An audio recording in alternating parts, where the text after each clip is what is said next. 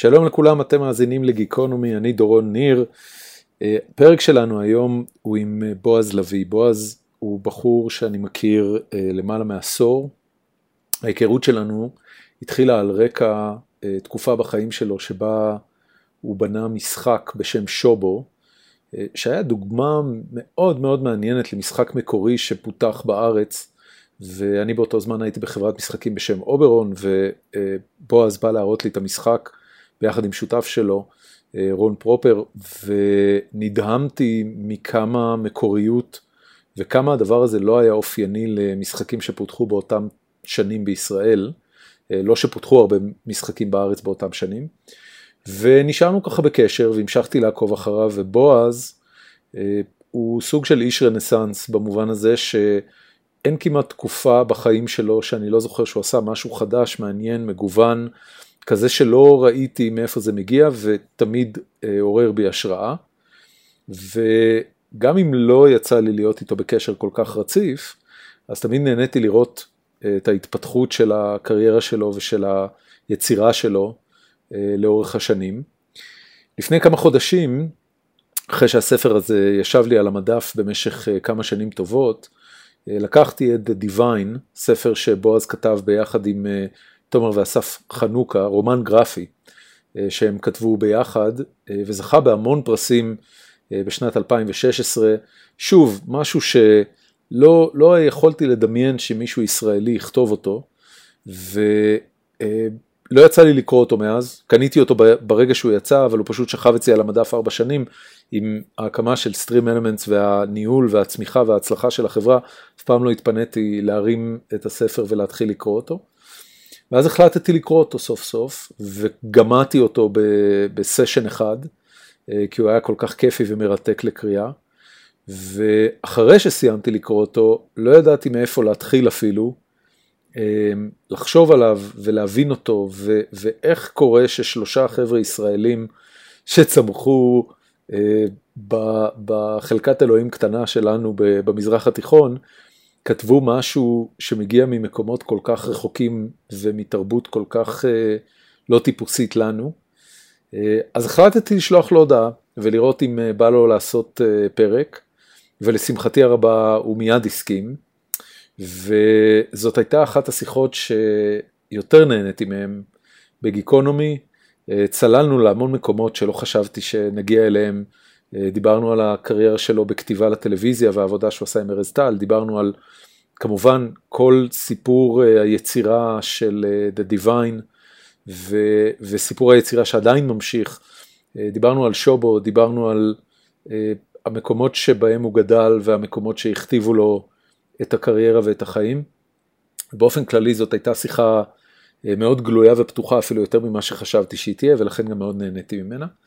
אה, ממש לפני שאני אתחיל, שתי הערות אה, שאחרי שסיימנו להקליט וסגרנו את הפרק, אז בועז כתב לי בפייסבוק מסנג'ר כדי שאני אוסיף את זה. לא דיברנו בכלל במהלך הפרק על העובדה שבועז הוא אחד מהכותבים החרוצים והפורים בעברית על אה, אה, Machine Learning ובינה מלאכותית. אה, הוא כותב בקבוצה שנקראת עליית המכונות של מתי מריאנסקי, שגם הוא היה אורח בגיקונומי, ואם אתם לא חברים בקבוצה הזאת אז אני ממליץ על זה בחום, באמת מדובר בפרויקט תוכן מלהיב ומרגש לגיקים חובבי מדע בדיוני כמוני. ובועז מכיוון שיש לו תשוקה לתחום הזה ומכיוון שהוא בן אדם כל כך חכם אז הוא גם אה, עושה על זה הרצאות וכותב על זה בעיתון הארץ ובעוד מקומות. ואני אשים אה, לינק לכמה מהכתבות שלו. אה, גם בעליית המכונות וגם בהארץ בעמוד הפרק באתר גיקונומי.נט.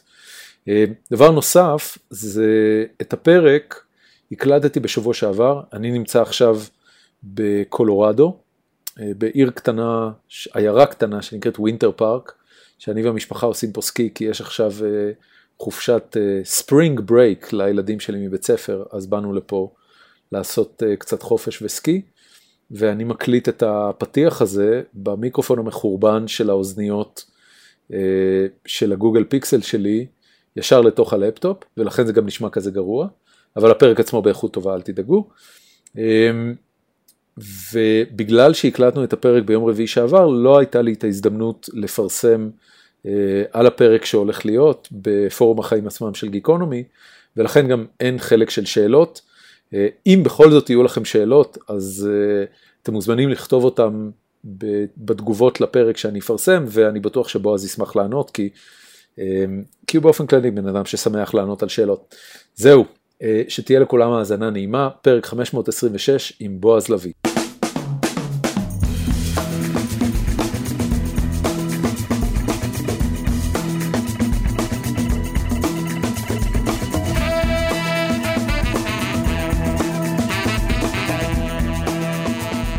שלום בועז לביא, מה שלומך? שלומי טוב, כן, כמו כל יום חמישי. נשמעת מהוסס, למה מהוסס? כן, תראה, כן, ימים אינטנסיביים קצת, אני חושב, בכל החזיתות, אפילו החדשות משפיעות. מה, אוקראינה? כן, כן. אתה יודע, זה מעניין, בגלל שאני בצד השני של האוקיינוס, אז אני קם בבוקר, וכבר רוב היום עבר על אוקראינה. יש news cycles שלמים שכבר נטחנו עד דק בזמן שאני ישנתי, ולכן ההרגשה היא שזה אירוע יותר קטן בגלל זה. זו תחושה נורא מוזרה, כי לא היה את התחושה הזאת, האמת שלא הייתי אף פעם בארצות הברית תחת מלחמה, זאת אומרת, אני זוכר שאתה חי בארץ, ה news cycles הם כל הזמן, וכאילו בבוקר, וההוא דיבר וזה, זה ככה, זאת ההרגשה? תראה, זה שונה, כן, ההבדלי זמן משפיעים, אני בטוח, אבל פה זה באמת הזמן שלנו פחות או יותר, אם אני לא טועה, זה... כן, זה שעה. זה הזמן של ישראל, כן, נכון. אז יש משהו יותר אינטנסיבי, אני חושב, ב...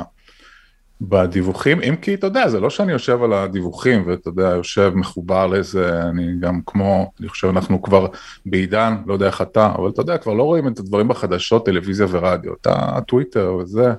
זה אגב גם שינוי כן. מעניין, אני, אני זוכר סיקור של מלחמות, המלחמה המסוכרת ביותר שאני חוויתי בחיי הייתה כמובן מלחמת המפרץ, שגם אה, הייתה, אה, אני חושב, המלחמה הראשונה שדווחה בלייב, TV, CNN, כאילו זה ממש שיא ההשפעה של CNN. ועכשיו בגלל שאתה יודע, טוויטר הוא המקור העיקרי למשל לסיפורים אמיתיים ולדיווחים אמיתיים על אוקראינה, וטוויטר הוא לא פלטפורמה יותר מדי דרמטית. זאת אומרת, הדברים כתובים שם בצורה מאוד מפורשת, אבל זה לא בא לך עם טאטאם, Desert Strike, טאטאם, טאטאם, אין פתיח, אין כאילו... הבחנה מאוד נכונה אני חושב, יש משהו בדרך שבה צורכים את החדשות באיזשהו מקום דרך רובד של פרשנות, כבר. אתה כמעט לא מקבל, אתה יודע, את הנה החדשות והרי החדשות, זה מה שקרה בוקר, גם אם החדשות מאוד מוטות, כמו שאנחנו יודעים הרבה פעמים, זאת אומרת, גם אחד איזה דיווח הוא תמיד מאיזה זווית, עדיין אתה מקבל כאילו את הניוז עירומים, כאילו, כן? כן. היית רגיל, רגיל לזה פעם, בצריכת מדיה. של פעם, והיום אתה, אתה, אתה תקבל את זה דרך פילטר, אתה יודע, טוויטר, פייסבוק והערוצים האלה, לא משנה איך, סוג של פילטרים, בסדר, אז אתה תגיע לאתר, אבל היום אנחנו מגיעים לאתרי חדשות דרך סושיאל, כן, כן. ככה אנשים מגיעים נכון, לשם. נכון, נכון. זה גם, זה גם, כן, תובח. זה גם מייצר שוויון מוזר, אתה יודע, עם, עם, עם, עם טוויט שבו בן אדם מדווח על 70 הרוגים באוקראינה, בגלל הפצצה של בית חולים, נמצא בדיוק מתחת לטוויט שמישהי מספרת שהיא קנתה שמלה חדשה בזארה והיא ממש עפה על עצמה, רק הפורמט הזה של שתי נכון. החתיכות תוכן האלה בצמידות אחת לשנייה, בגלל שככה האלגוריתם יצר אותן, מייצר תחושת זן מוזרה שהכל אותו דבר בעולם. לי, לי באופן אישי זה מאוד מפריע, זאת אומרת, אני נכנס לניו יורק טיימס ואני מחכה לכותרות הגדולות, והניו יורק טיימס אפילו בגרסתו הדיגיטלית, מדווח על מלחמה באוקראינה בגודל פונט וב... אמ, אתה יודע, ובמצגת ויזואלית, שמזכירה מאוד את גיליונות המלחמה הגדולים של המאה ה-20. שאתה כאילו זוכר אותם אייקונית. כן, נכון, נכון. אמ, והם עושים את זה כי הם אומרים, אוקיי, תקשיבו, זה מלחמה עכשיו, it's time for, for, for bold uh, 21 פונט, זו השעה לפונט 21 כן, כן, נקודות. Punching up the font. כן, כן, כן, אין להם הרבה, תראה, איך אתה מכריז שקרה משהו דרמטי, אתה פשוט חייב להגדיל את הפונט. יפה. כן. אמ, זה נכון, זה נכון ש social או טוויטר באמת אין שם יכולת בכלל, אתה לא יכול לבטא את עצמך גרפית אחרת. נכון. זאת אומרת, אתה תקוע באותו, אתה כאילו יש לך את הפורמט, הפלטפורמה, בסדר, אתה יכול להעלות image כזה אוכל מים וזה, אבל אתה כאילו באמת תקוע עם איזה שפה שהוחלטה עבורך, ואתה באמת נזרק לתוך איזה, אתה יודע, לתוך הקלחת הזאת, לדייסה של הדברים הטובים, כן. הרעים, הגרועים, הסתמיים, המזעזעים, כן. כן. הנה, הנה thread על עשרה טיפים ללחם מחמצת טוב. והנה thread על, כן. על למה פוטין הוא אה, דיקטטור רצחני שמשמיד עם. אבל אתה יודע שגם בעבר זה היה ככה, רק שהיינו רגילים לזה שיש סדר, אתה יודע, מתחילים את החדשות במלחמה באוקראינה, הרוגים וככה, ובסוף יהיה, אתה יודע, מה קרה? בקיץ עכשיו, ארטיק חדש, זה, זה פשוט מסודר באיזה אופן על איזה timeline שהעורכים החליטו שהוא הגיוני, קצת כמו ארוחה, בהתחלה הדברים הכבדים, ובסוף הקינוח ויש לך חצי שעה או שעה, זה נכון. פשוט התערבב הסדר. זה הכל התערבב לתוך הקיבה, כמו שאומרים כבר, אתה יודע. הוא מוכרע על ידי מכונה, זה לא שהוא התערבב, נכון, הוא מוכרע נכון. על ידי מכונה, ואני אגיד בנוסף לזה, הוא מייצר לך פיד אה, חדשות נורא נורא נרקסיסטי. כי הוא בעצם בא ואומר לך, אתה יודע, אני מסתכל על הטוויטר שלי, והטוויטר שלי הוא השתקפות של הבחירות והעדפות שעשית במהלך החודשים האחרונים, ואני מסתכל ואני אומר, זה אני? באמת, כן. זה מה שטוויטר מציף לי? ואז אתה מתחיל לכעוס על הפלטפורמה. אתה אומר, למה אתם מציפים כן. לי את השיט הזה?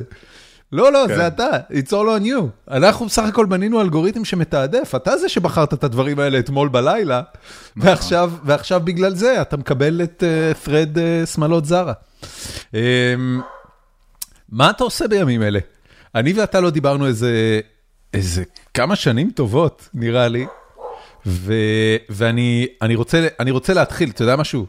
לפני שאני אתן לך לענות. הסיבה שבגללה בכלל רציתי שנעשה פרק, זה שאחרי שהספר הזה ישב לי על המדף כמעט חמש שנים, אה, היה לי זמן פנוי בחודשים האחרונים, וסוף סוף קראתי את The Divine. אה, של, שלמאזיננו שלא יודעים, זה רומן גרפי שכתבת ביחד עם אה, אסף ותומר חנוכה, וזכה, היה מועמד לפרס הוגו, וזכה בפרס אה, האנימה לשנת 2016. אה, אני, אני הייתי חייב לדבר איתך אחרי שקראתי את הספר הזה, אמ, אבל לפני שנגיע אליו, מה אתה עושה בימים אלה? אז uh, באמת זו שאלה שתמיד אני מתקשה לענות עליה בצורה, אתה יודע, ברורה ובמשפט או שניים, כמו שצריך לפעמים בכל מיני מפגשים, הרצאות, כל מיני מקומות שאני מגיע אליהם, או, או בעיתונות. אז אני קודם כל כותב, uh, ועושה את זה בכל מיני וריאציות, גם, בזמן, גם, גם, גם עכשיו. אמ, יש לי פודקאסט אה, לאחרונה, חדש, עושים תוכנה. מגיש. עושים תוכנה, שזה, נדבר על זה אולי קצת, זה פודקאסט בעצם ותיק, שאני נכנסתי אליו כמגיש אמ, חדש, אז זה מין אה, סביבה מעניינת חדשה עבורי. כן. אני, אני מתנצל אגב על הנביחות, אתה בטח שומע את זה ברקע. ברחוק, כן. הכלבה שלי סאמר, זו שעת בוקר מוקדמת כאן באוסטין, הגננים מכסחים את הדשא והכלבה שלי נובחת עליהם. אלה. החיים עצמם. אה, אני מתנצל על זה, בואו נמשיך. אני בקושי שומעים, זה בסדר. זה בסדר, יופי. אה, אז זה פשוט חדש, אז אני כזה ישר שם את זה כזה על ה... מהו הפודקאסט החדש? הפודקאסט הוא עושים תוכנה. לא, לא, אבל החדש. אה, דיברת על עושים תוכנה. כן, זה אוקיי, עושים תוכנה. חשבתי שזה שניים, לא יודע למה. לא, לא, לא, אוקיי, זה רק אחד, למרות שכבר כמה זמן כתבתי לפודקאסטים, זאת אומרת, זה משהו שמצאתי את עצמי עושה בין השאר לפרנסה, כתיבה לפודקאסטים, כן. שאנחנו מבינים, אנחנו רואים את הדבר הזה, אתה, אתה והפודקאסט שלכם הוא, אתה יודע, מהראשונים והוותיקים, אבל בשנה, שנתיים האחרונות, התנועה הזאת אה, נהיית מאוד משמעותית, גם מסחרית אני חושב, פתאום, אתה יודע, אה, עצם זה שאני נכנס לתפקיד שמציעים לי להגיש פודקאסט, אני חושב זה כבר, זה דבר חדש ומפתיע.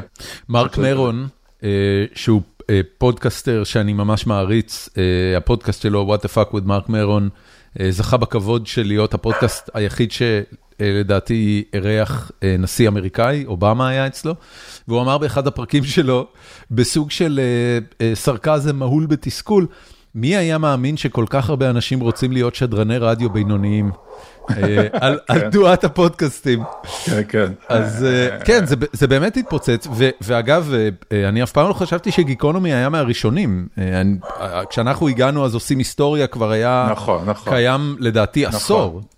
עושה, עושים היסטוריה, שוב, הפודקאסט עושים תוכנה, הוא חלק מרשת עושים היסטוריה, אז אני, אני ככה מאוד אה, מצוי שם, רן לוי וכן הלאה, חוגגים שבע שנים, ממש אה, עכשיו, עוד, עוד, עוד שבועיים שלושה יש אירוע, שבע שנים ל, לחברה, כאילו, שיש כבר את הפלטפורמה, כן. בדיוק. ר- רן היה לוי- כ- רן לוי עשה את עושים היסטוריה כמעט, לא יודע, לדעתי כמה שנים טובות, אולי אפילו עשור, אה, לפני שזה הפך לחברה מסחרית, ואז הוא ודני הקימו את זה כחברה מסחרית, רשת פודקאסטים, רשת הפודקאסטים הישראלית המצליחה ביותר, אה, ועושים תוכנה, בין כמה עושים תוכנה? זאת אומרת, הוא כמה... משהו כמו, של, הוא שנתיים וחצי, שלוש, אה, אה, פחות או יותר, עד שאני, לפני שאני נכנסתי, אני כבר כמה חודשים שם, וזה גם מהלך, אני חושב, מעניין חדש מאוד בתחום הזה, שיש פודקאסט, לאו דווקא הסיפור המעניין שלי ושל הפודקאסט הזה, אבל שיש איזה חילופי תפקידים שם, המגישים כבר אה, עסוקים מדי, אה, ואתה יודע, יש איזה תנועה, מחפשים אה, משהו אחר, ומישהו נכנס להגשה של פודקאסט, ניסיתי לחשוב אם יש דוגמה לזה,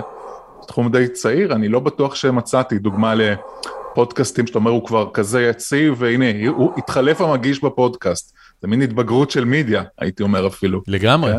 לגמרי, כן. לגמרי. זה כאילו הפ- הפורמט עובד, רק כן. צריך להחליף את הנהג. נכון. אמ, אני באמת לא זוכר, פודקאסט זה בדרך כלל דבר נורא נורא אישי, ולכן אם. המגיש עוזב אז הפודקאסט דועך, ובאמת מהבחינה הזאת אה, עושים היסטוריה.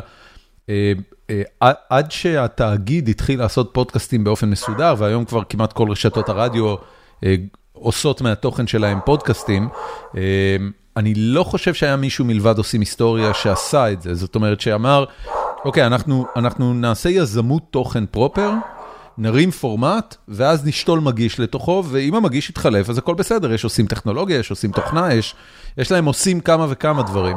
נכון, זה, זה נורא המון. מגניב בעיניי.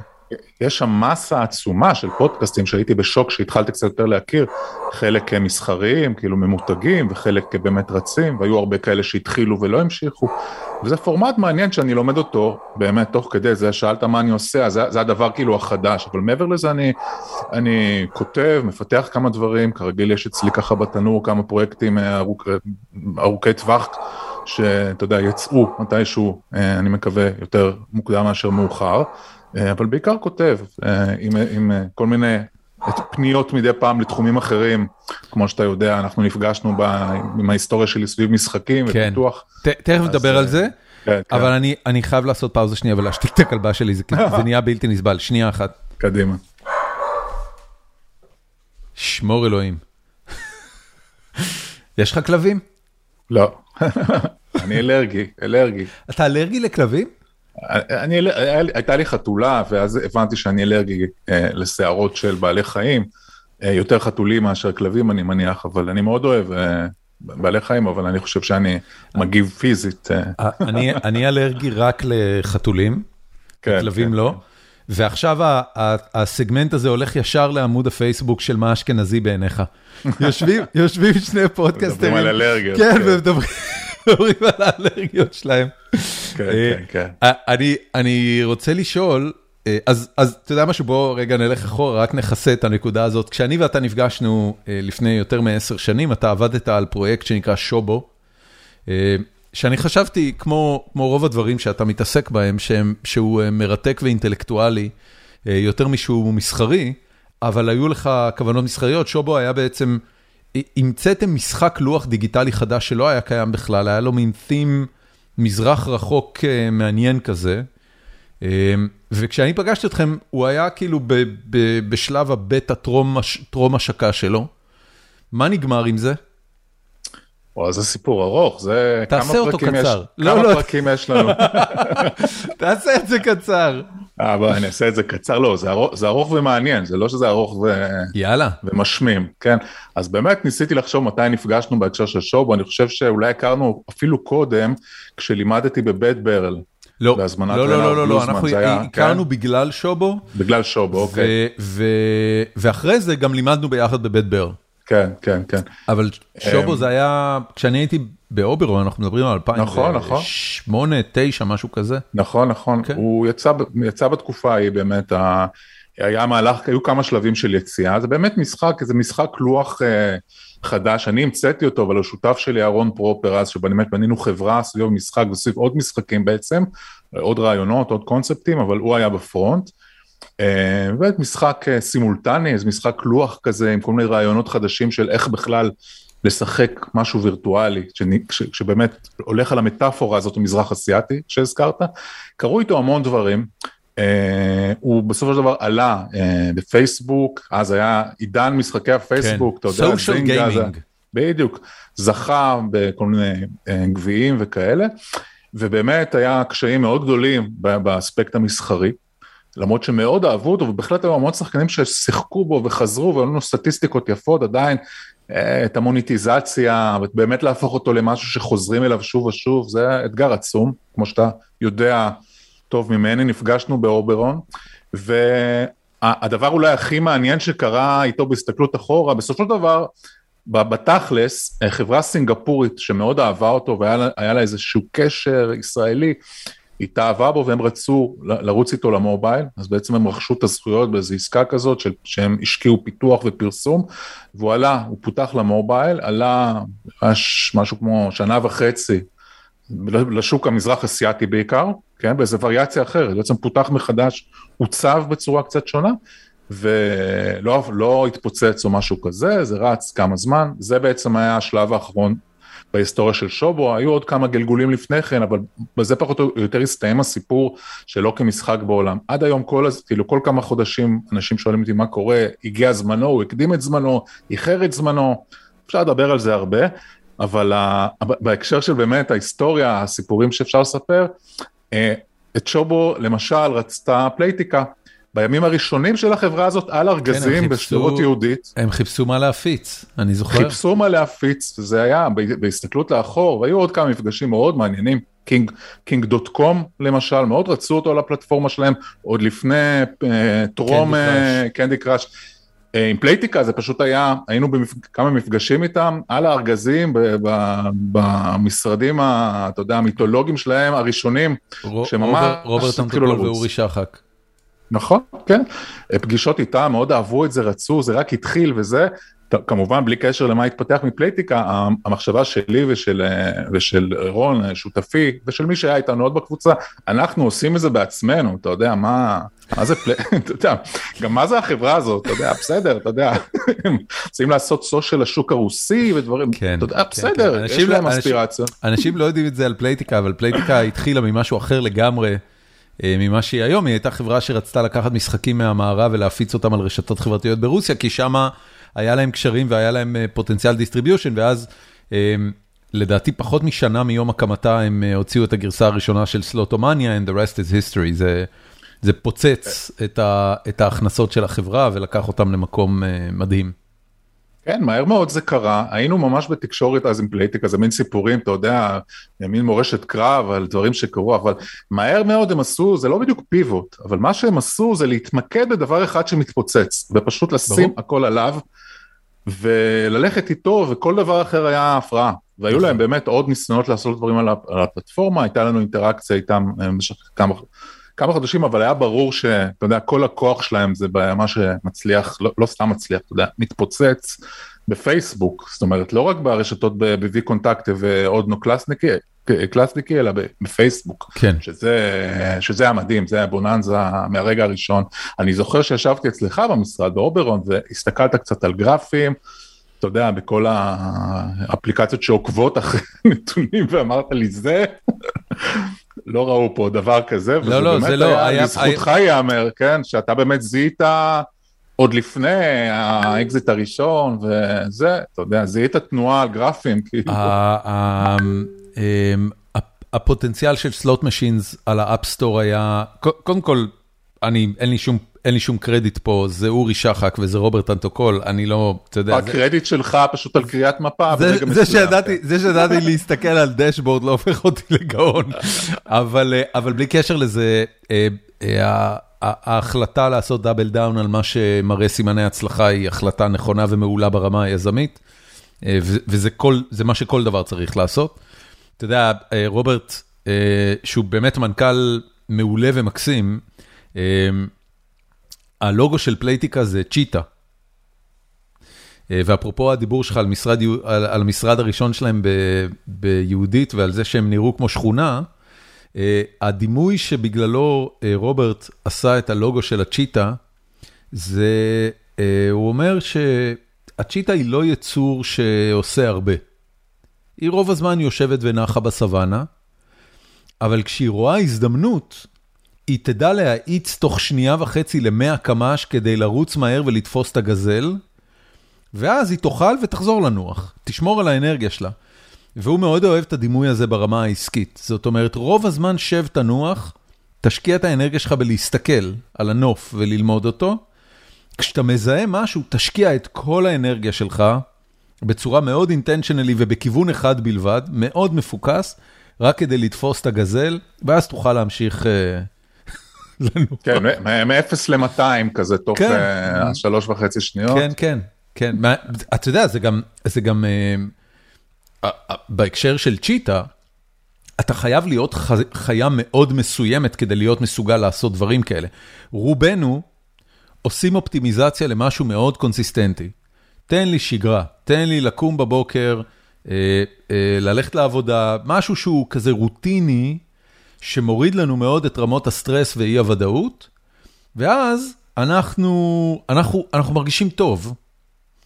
ודווקא המודוס אופרנדי שאומר, לא, לא, לא, לא, תנוח כל עוד אתה לא חייב להשקיע אנרגיה, ואז כשאתה רואה משהו מעניין, תתפוצץ עליו, ואז תוכל, כאילו זה, זה, זה, זה counter intuitive לכל מה שמנסים לחנך אותנו בעולם המודרני.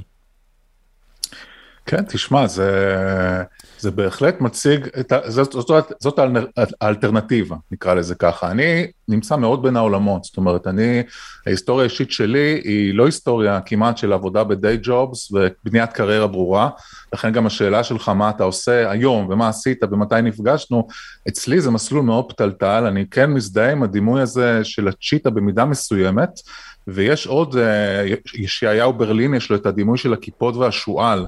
מה זה? אני לא מכיר. לא, לא. גם, זה דימוי שקשור לאיזושהי תפיסה, גם איזושהי חלוקה של בני האדם, מין שתי מחלקות כאלה, של מי שיודע לעשות אה, המון דברים אה, טוב, ומי שיודע לעשות דבר אחד מעולה.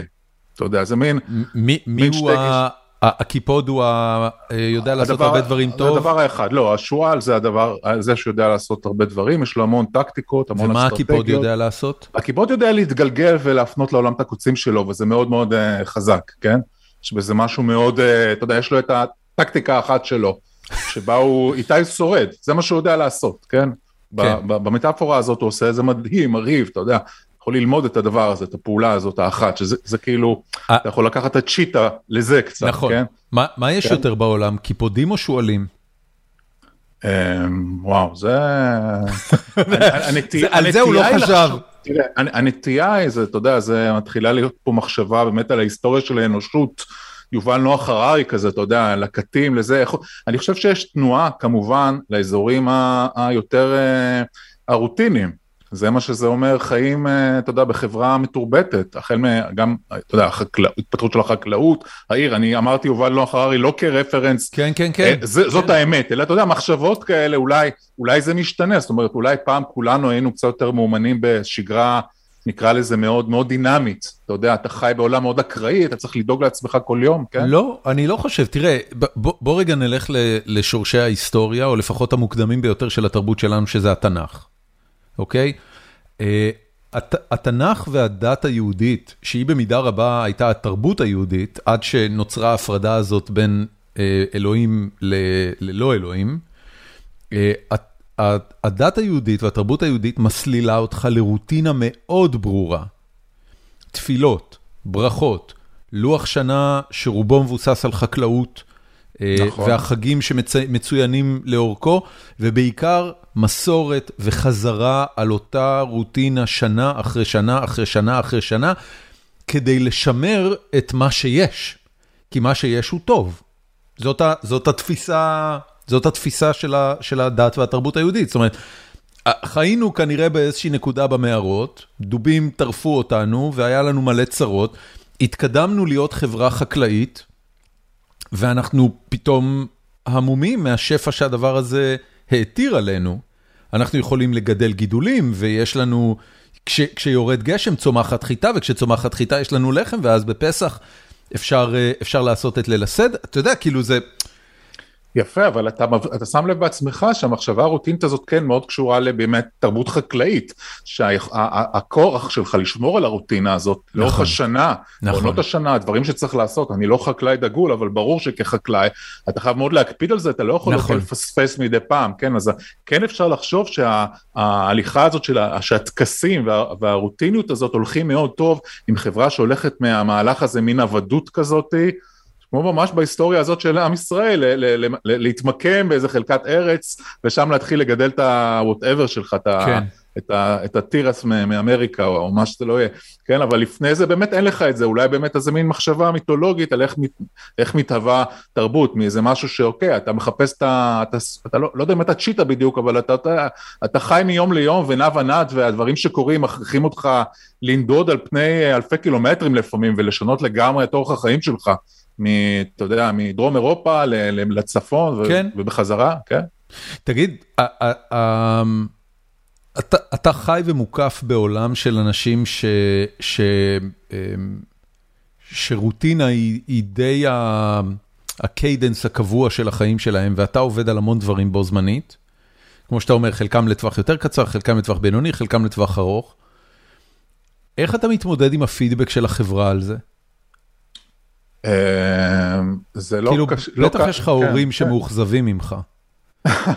כן, אני סוחב איתי זוג הורים מאוד מאוכזבים, אבל תראה, עשיתי דברים ונעתי בעולמות uh, מאוד מוזרים בשנים מסוימות, באמת, עולמות, uh, אתה יודע, עולמות, מין מילה שאני, אתה יודע, לא יודע איך היא נכנסה לי עכשיו לפה, אבל אתה יודע, אזורים כאלה, של, שבאמת אי ודאות גדולה, זאת אומרת משיכה גדולה מגיל צעיר לאזורים האלה בכל מיני מובנים. למה? אתה זוכר ש... למה?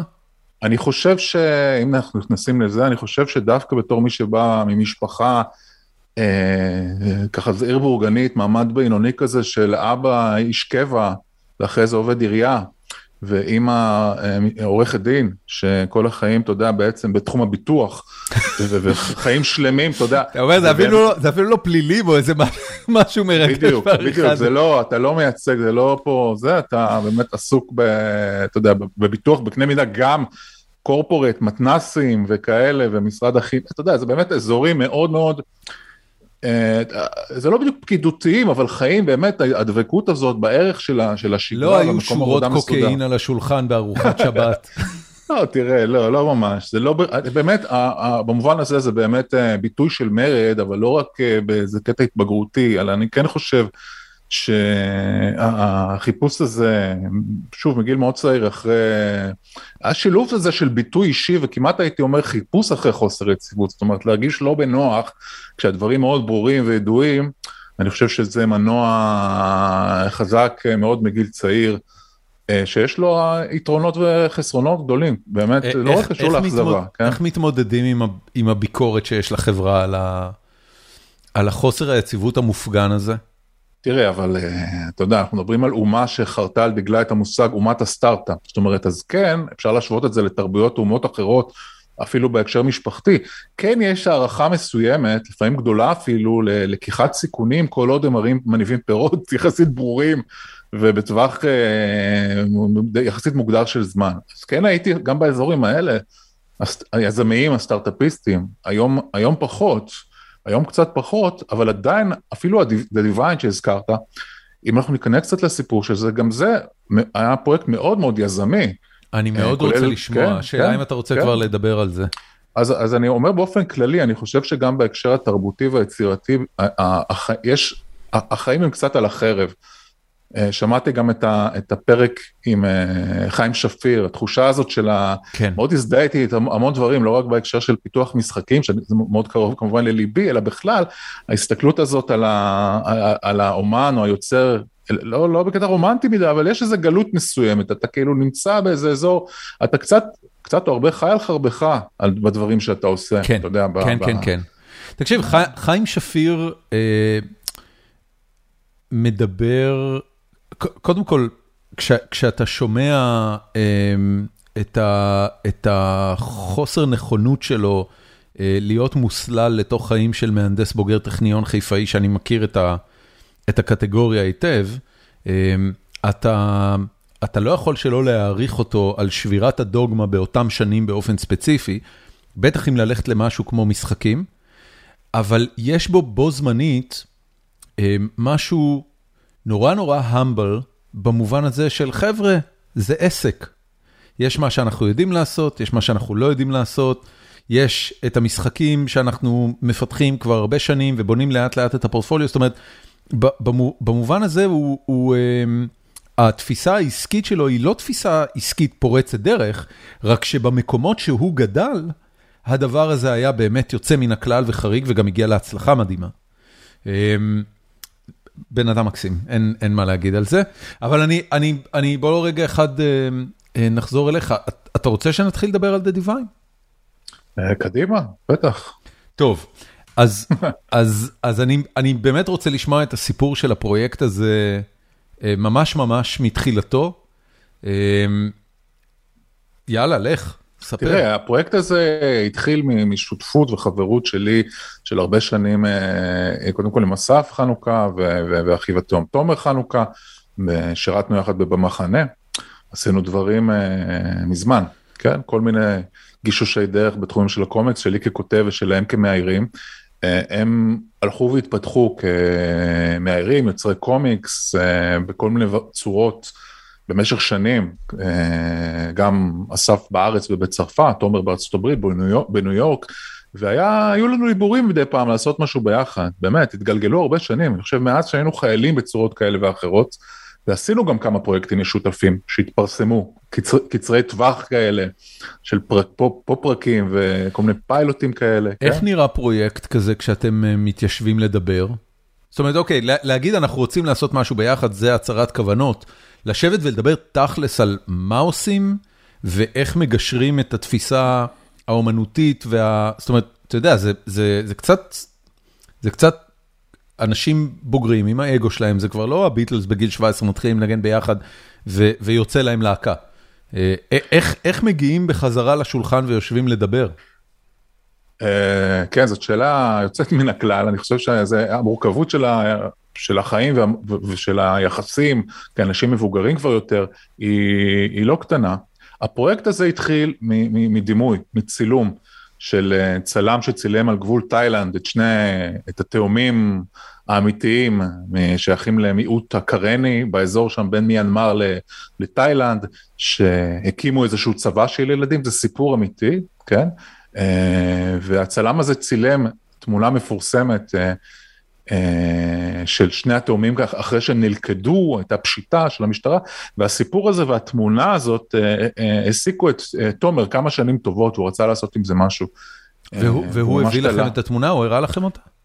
כן, כן, כן, זו הייתה תמונה שהוא רצה לו בראש המון זמן, כמה שנים טובות, מאז הסיפור האמיתי שהתפרסם, הוא רצה לעשות משהו עם התאומים האלה, כמובן, יש את ה... הם, הם בעצמם תאומים, כן? איך הוא, כן, איך, כן. איך הוא סיפר לכם על זה? זאת אומרת, אני אני זוכר שקראתי את ה, את ההסבר הזה ב, בעמוד האחרון של הספר, אה, ו, וחשבתי לעצמי שזה סופר רנדומלי.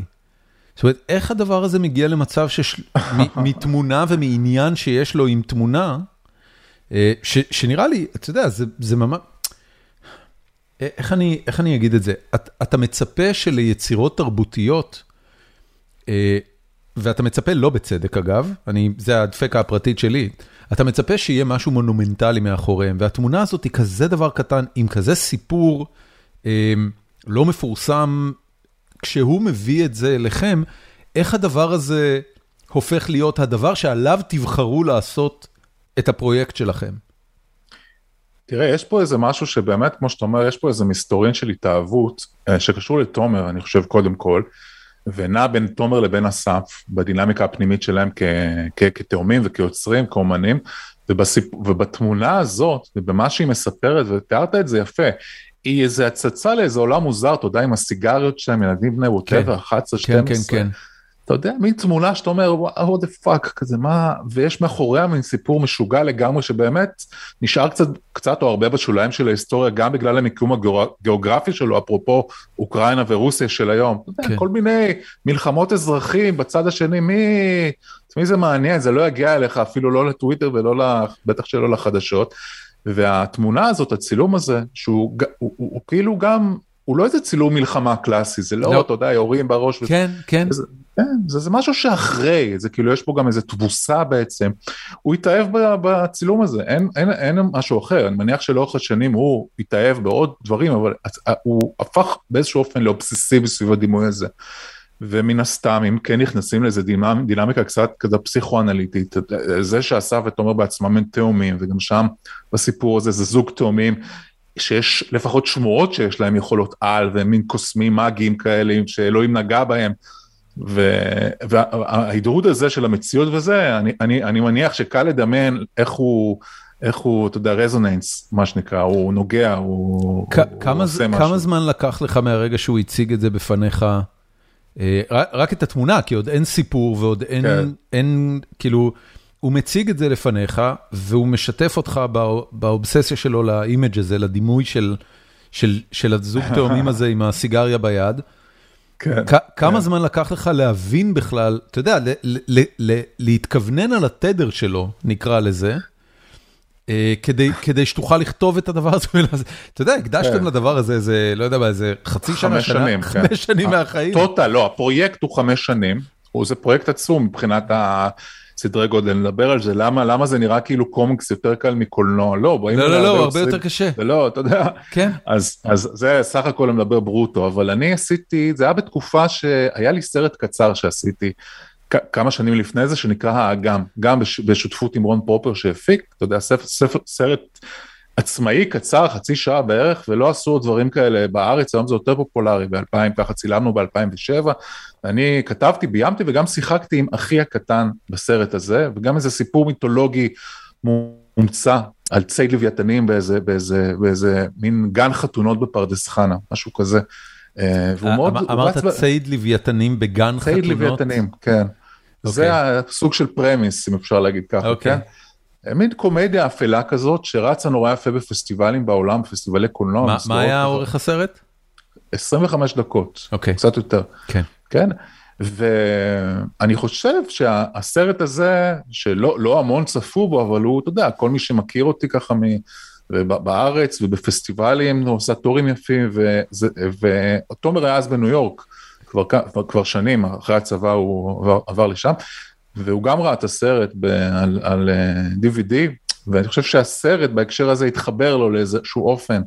זה הכל אצלי בראש ספקולציות, לפוטנציאל לעשות את הדבר הזה, זאת אומרת, הכתיבה שלי באופן שהוא מאוד דרמטי, תסריטאית, לקחת איזה מין סיפור שיש בו צדדים מיתיים, קשורים למציאות, ולבטא אותם, כאילו לבטא את עצמך דרך סיפור אחר, זר, רחוק מאוד, אני חושב שהוא הרגיש פשוט הטיימינג מעיד על זה אני חושב, כי פגשתי אותו אז בניו יורק, שחזרתי מאחת ההקרנות בפ... של הפסטיבלים של האגם, ואז הוא אמר בוא נעשה את זה. אוקיי. Okay. זה, זה מאוד התחבר, והשאלה שלך היא טובה, אני חושב שאני, התגובה הראשונית שלי הייתה, אה, אבל אנחנו נצטרך לדרוס הכל, זאת אומרת, אנחנו, אני אקרא, כבר היה להם תחקיר, ספרים על התרבות הקרנית, ועל המאבקים שם, והמעורבות של הצרפתים שם, ומה שאתה לא רוצה, ואני אמרתי, אני, אני אעשה את זה, זה מאוד מעניין, אבל אני אצטרך לדרוס את הכל, כאילו, יהיה פה איזה מין, אה, אתה יודע, כאילו, אה, תמה כזה, נהרוס את, כאילו, לא יודע איך זה יהיה קשור בכלל למציאות, אנחנו נצטרך לברום מחדש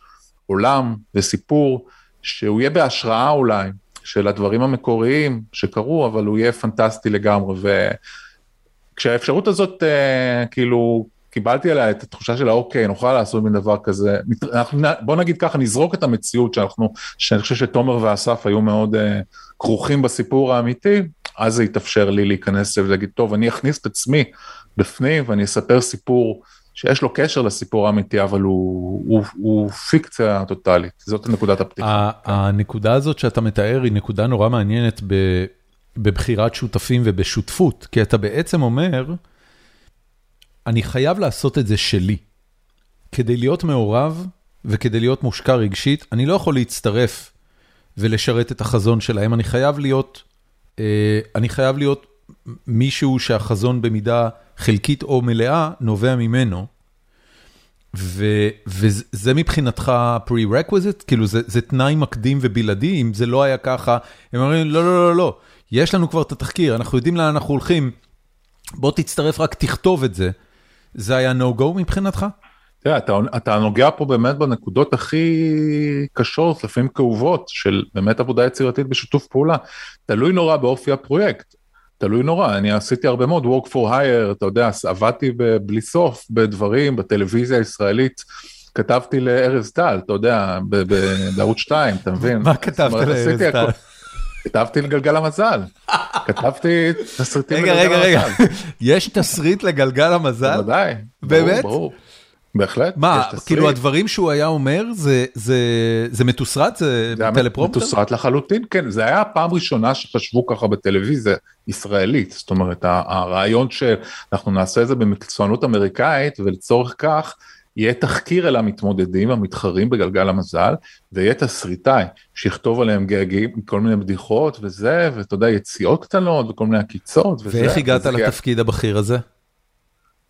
קודם כל, התפקיד הוא נראה כאילו לא בכיר, אבל במסגרת... לא, לא, לא, אני לא מזלזל, אני אומר, זה לא, באמת, זה באמת דבר... גלגל לא, המזל היה התוכנית עם הרייטינג הכי גבוה בישראל בנקודה מסוימת בהיסטוריה. ברור, זה פוצץ את ה... זה כן, פוצץ כן, אני לא יודע אם אנשים שמאזינים לנו יודעים, אבל הייתה נקודה, בגלגל המזל האמריקאי הייתה אה, את הבחורה שמסובבת את הקוביות של האותיות, קראו לה ונה ווייט. היא הפכה לסמל מיתולוגי אמריקאי, זאת אומרת, היא ממש אייקון. אה, תרבותי אמריקאי, ובישראל, אמ, אני לא זוכר מי הייתה הראשונה, אני חושב שסיגל שחמון הייתה נער, נערת הגלגל הראשונה, ואז אחרי זה, זה הפך להיות כזה big deal, כמו שזה קרה בארצות הברית, שהם עשו כמו תחרות על, אתה יודע, תחרות ריאליטי, מי תהיה נערת הגלגל. ברור, אני הייתי חלק מההוגים של הדבר הזה מאחורי הקלעים. אבל אני רוצה לחזור לדבר על The Divine, תקשיב, זה כן, walk כן, down memory lane, אני עכשיו פתאום נזכר בכל ה...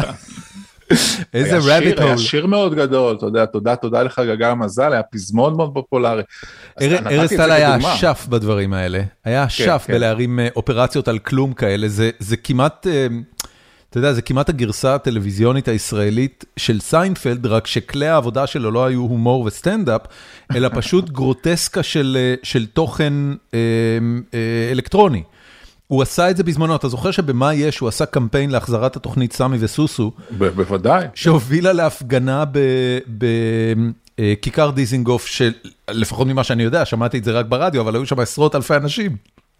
אז כן, כן, הוא היה, הוא, הוא, היה מין סוכן כאוס באיזשהו אופן שאתה יודע, הלך לאיזה צד מסוים, מאוד מעניין, זה ממש ההתחלה, זה הרגעים הראשונים של ערוץ 2 המסחרי. מה ארז עושה היום?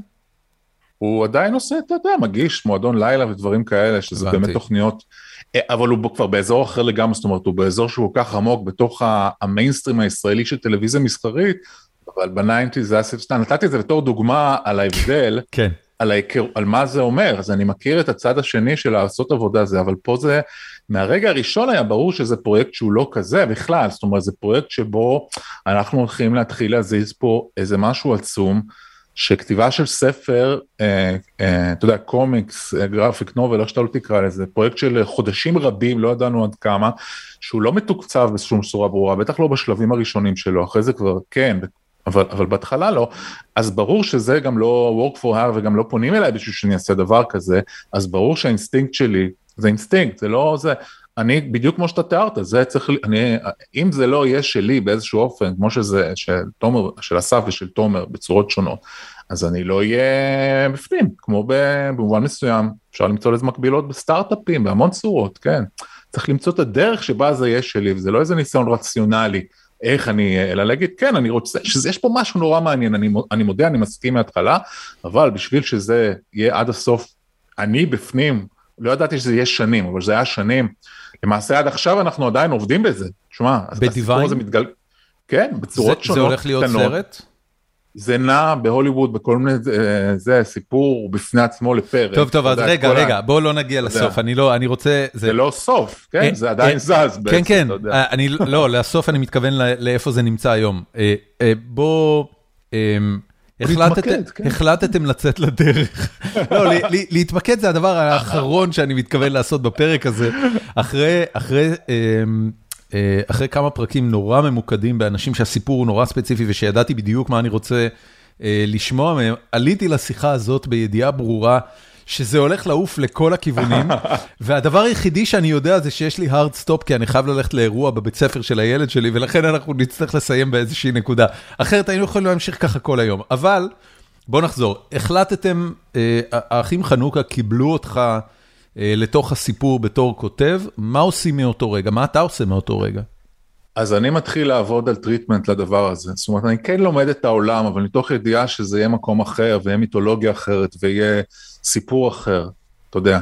וגם מתוך הבנה עמוקה, גם אינטואיטיבית בהקשר הזה, שצריך להיות דמות, אה, לא מתוך העולם הזה, דמות, אתה יודע, שקרובה יותר באיזשהו אופן אה, אליי, באיזשהו מובן, שתק... שתפגוש את העולם הזה. כן? Okay. אוקיי. בשביל שאתה יודע, זה היה הדרך שלי לספר את הסיפור דרכו, זה הדמות של מרק בתוך הסיפור, כן. שבכל מיני מובנים הוא אמריקאי, אה, אתה יודע, שהוא עובד בתחום חומרי הנפץ כמהנדס, ווטאבר, אבל הוא, זה לא אני בכלל, אבל משהו באזור שבו הוא נמצא לפני לידה של הבן הוא, הראשון. הוא, ש... הוא דמות שנמצאת בחוסר ודאות מאוד מאוד גדול. זאת אומרת, החיים שלו הם...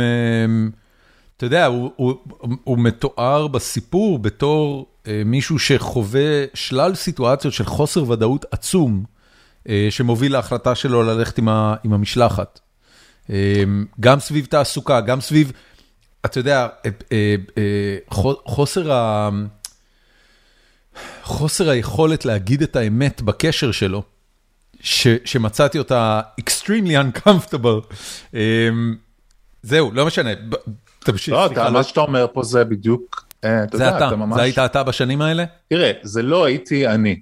חד משמעית לא, אבל זה כן הצורה, אתה יודע, האופן שבו קונפליקטים מסוימים בחיים שלי יכלו לבוא לידי ביטוי באופן ממוקד דרך סיפור כזה. אוקיי. כן? זה הדרך שלי, ככה אני לפחות רואה את זה. העניין הזה כן? של אה, של אה, אישה בהיריון, ילד בדרך, רק רוצה יציבות, רק רוצה שהבן זוג שלה יקבל קידום, משכורת טובה יותר, והבן זוג הולך עוד פעם להרפתקה משוגעת שמי יודע מתי ועם כמה כסף הוא יחזור ממנה, זה משהו שחווית בחיים? אה, זה משהו שלא חוויתי אותו בכזאת קיצוניות בחיים, בוודאי שלא, אבל כן, בתור איזה מוטיב, לייטמוטיב כזה, של משהו שמלווה, דיברנו על זה אפילו בהתחלה, כן? של היציבות, היציבות מול הרצון, לא, אתה יודע, היציבות הזאת, וזה בערך התקופה באמת אה, שהבן הראשון שלי נולד, המשבר או החשש או החרדות שלי סביב זה, שבאו לידי ביטוי בסיפור הזה, הם בהחלט היו קיימות, זה דבר מציאותי בצורה מאוד שונה, אבל כן, המחשבה הזאת של הנה, זה רגע שבו אני כבר לא יכול כל יום, או כל לא כל יום, כל כמה שנים או כל כמה חודשים, ללכת לכיוון קצת אחר, לפעמים מאוד להצליח ולפעמים פחות, אבל כן. יודע, להתנסות. ו... ולגמרי כמו שאתה תיארת את זה, זאת אומרת, המתח הזה, התחושה הזאת שאני הולך לקראת... אני אגיד לך ככה, אני לא יודעת, לא חשבתי שאני אכנס לזה ככה בשיחה בצורה כל כך זה, אבל אתה הולך לשם, אז, אז אתה יודע, ההבנה שלי ש, שדרך הכתיבה אפילו לאט לאט זה יתבשל, דרך, אתה יודע, העבודה שלי עם עצמי לקראת הלידה של, של הבן הבכור שלי, שלהיות אבא, להפוך לאבא, זה לא אומר להפ, להפוך לאדם אחר, להשתנות ולהיות משהו אחר, אתה יודע, שזה כן. מין משהו, מחשבה ילדותית כזאת, אוקיי, להיות אבא זה אומר, אוקיי, אני אצטרך להיות בן אדם כזה ונורא אחראי ולבוא בערב whatever, או לא, לא, לא יודע, לא, לא ללכת, לא להיות בצבא קבע כמו אבא שלי ו, וכן להיות יותר עם הילד או לא, אבל זה מין מחשבה שזה רגע שבו אתה הופך להיות משהו אחר, ופתאום התובנה הזאת המאוד אה, פנימית, וגם מתוך שיחות ומפגשים וזה, שאוקיי, לא, אני אהיה מה שאני. ואני אהיה אבא, כמו שאני. כן. כאילו, אבל אתה צריך לעבור איזה קרייסיס פנימי או אחר בשביל לתפוס את זה, אצלי לפחות, לא יודע, לא, לא בטוח שזה עובד ככה אצל כל אחד, אבל ההבנה שאני אהיה אבא ואני עדיין אהיה מה שאני, זאת אומרת, אני אמצא את הדרך פשוט אה, להיות האבא הזה שהוא אני, ולא אוקיי, אני עכשיו, אנחנו נעבור איזה שלב, ירד מסך, ואוקיי, אני פתאום מדבר אחרת, מתלבש אחרת. ו... יש הרבה כן. אנשים שככה הם מנתבים את החיים שלהם, זאת אומרת, הם באמת, כמו שאתה אומר, אה, חושבים על האבהות שלהם בתור אה, אה, My previous life is over, my new life is I'm a dad. סליחה שאני עובר לאנגלית, אבל המוח שלי אוטומטית אומר את המשפטים האלה באנגלית. ו, ו, ואז הם חושבים שהם באמת צריכים לעשות את השינוי הזה. זה לא בועז הוא האבא שלי, אלא בועז הופך לאבא שלי. מה אתה חושב על זה? איך אתה רואה את זה? כאילו, שאתה מגיע אפילו, יש בזה משהו אמריקאי גם קצת בדרך להנכיח את זה, כן? אני מאוד הוסללתי לחיים של אה, פרנסה יציבה, לשאת חן בעיני הבוס, שייתן לך קידום בשנה הבאה, לנסוע לחו"ל אה, פעם בשנה כדי ליהנות קצת מהחיים ולחזור ל-day to day grind.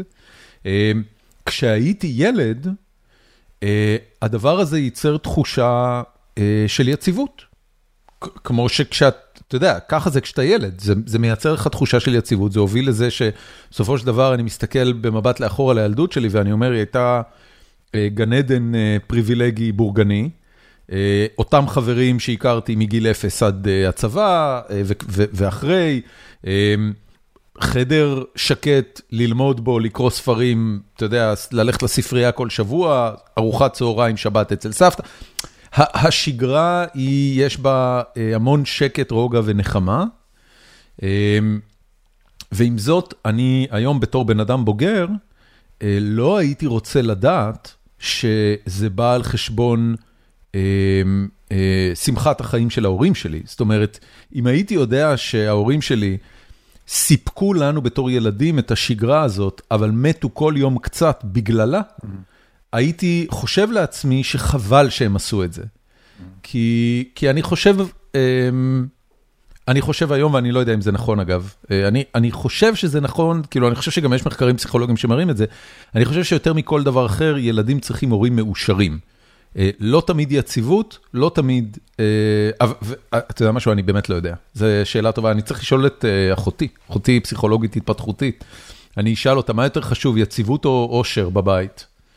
אני מניח שאיזשהו שילוב כלשהו בסיסי, אתה יודע, של הדברים, אבל אין ספק שהצד הזה של העושר, אני חושב בעולם שבו אני גדלתי, אני חושב שאפילו דורות קודם, אה, זה משהו שיחסית עשוי להיראות משני, כאילו.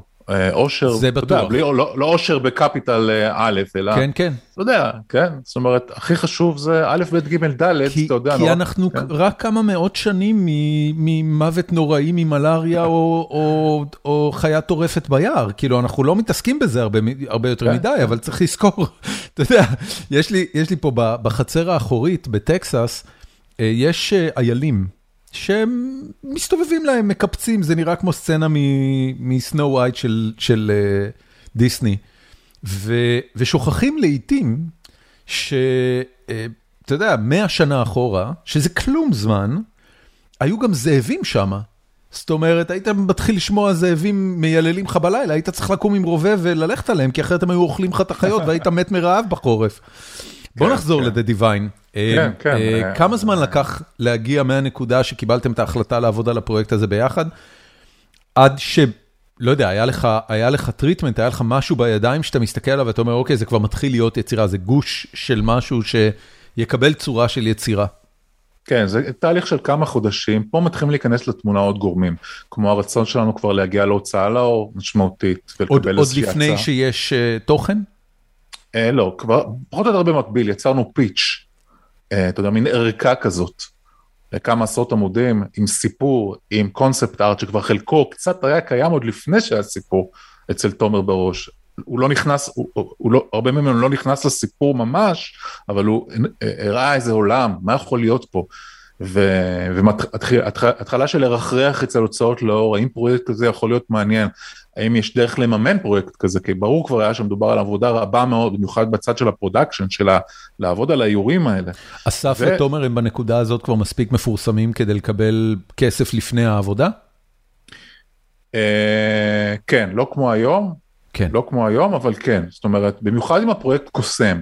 אני חושב שזה כן היה משהו משמעותי, לא רק השמות, אלא השילוב של איפה שהם נמצאים ב...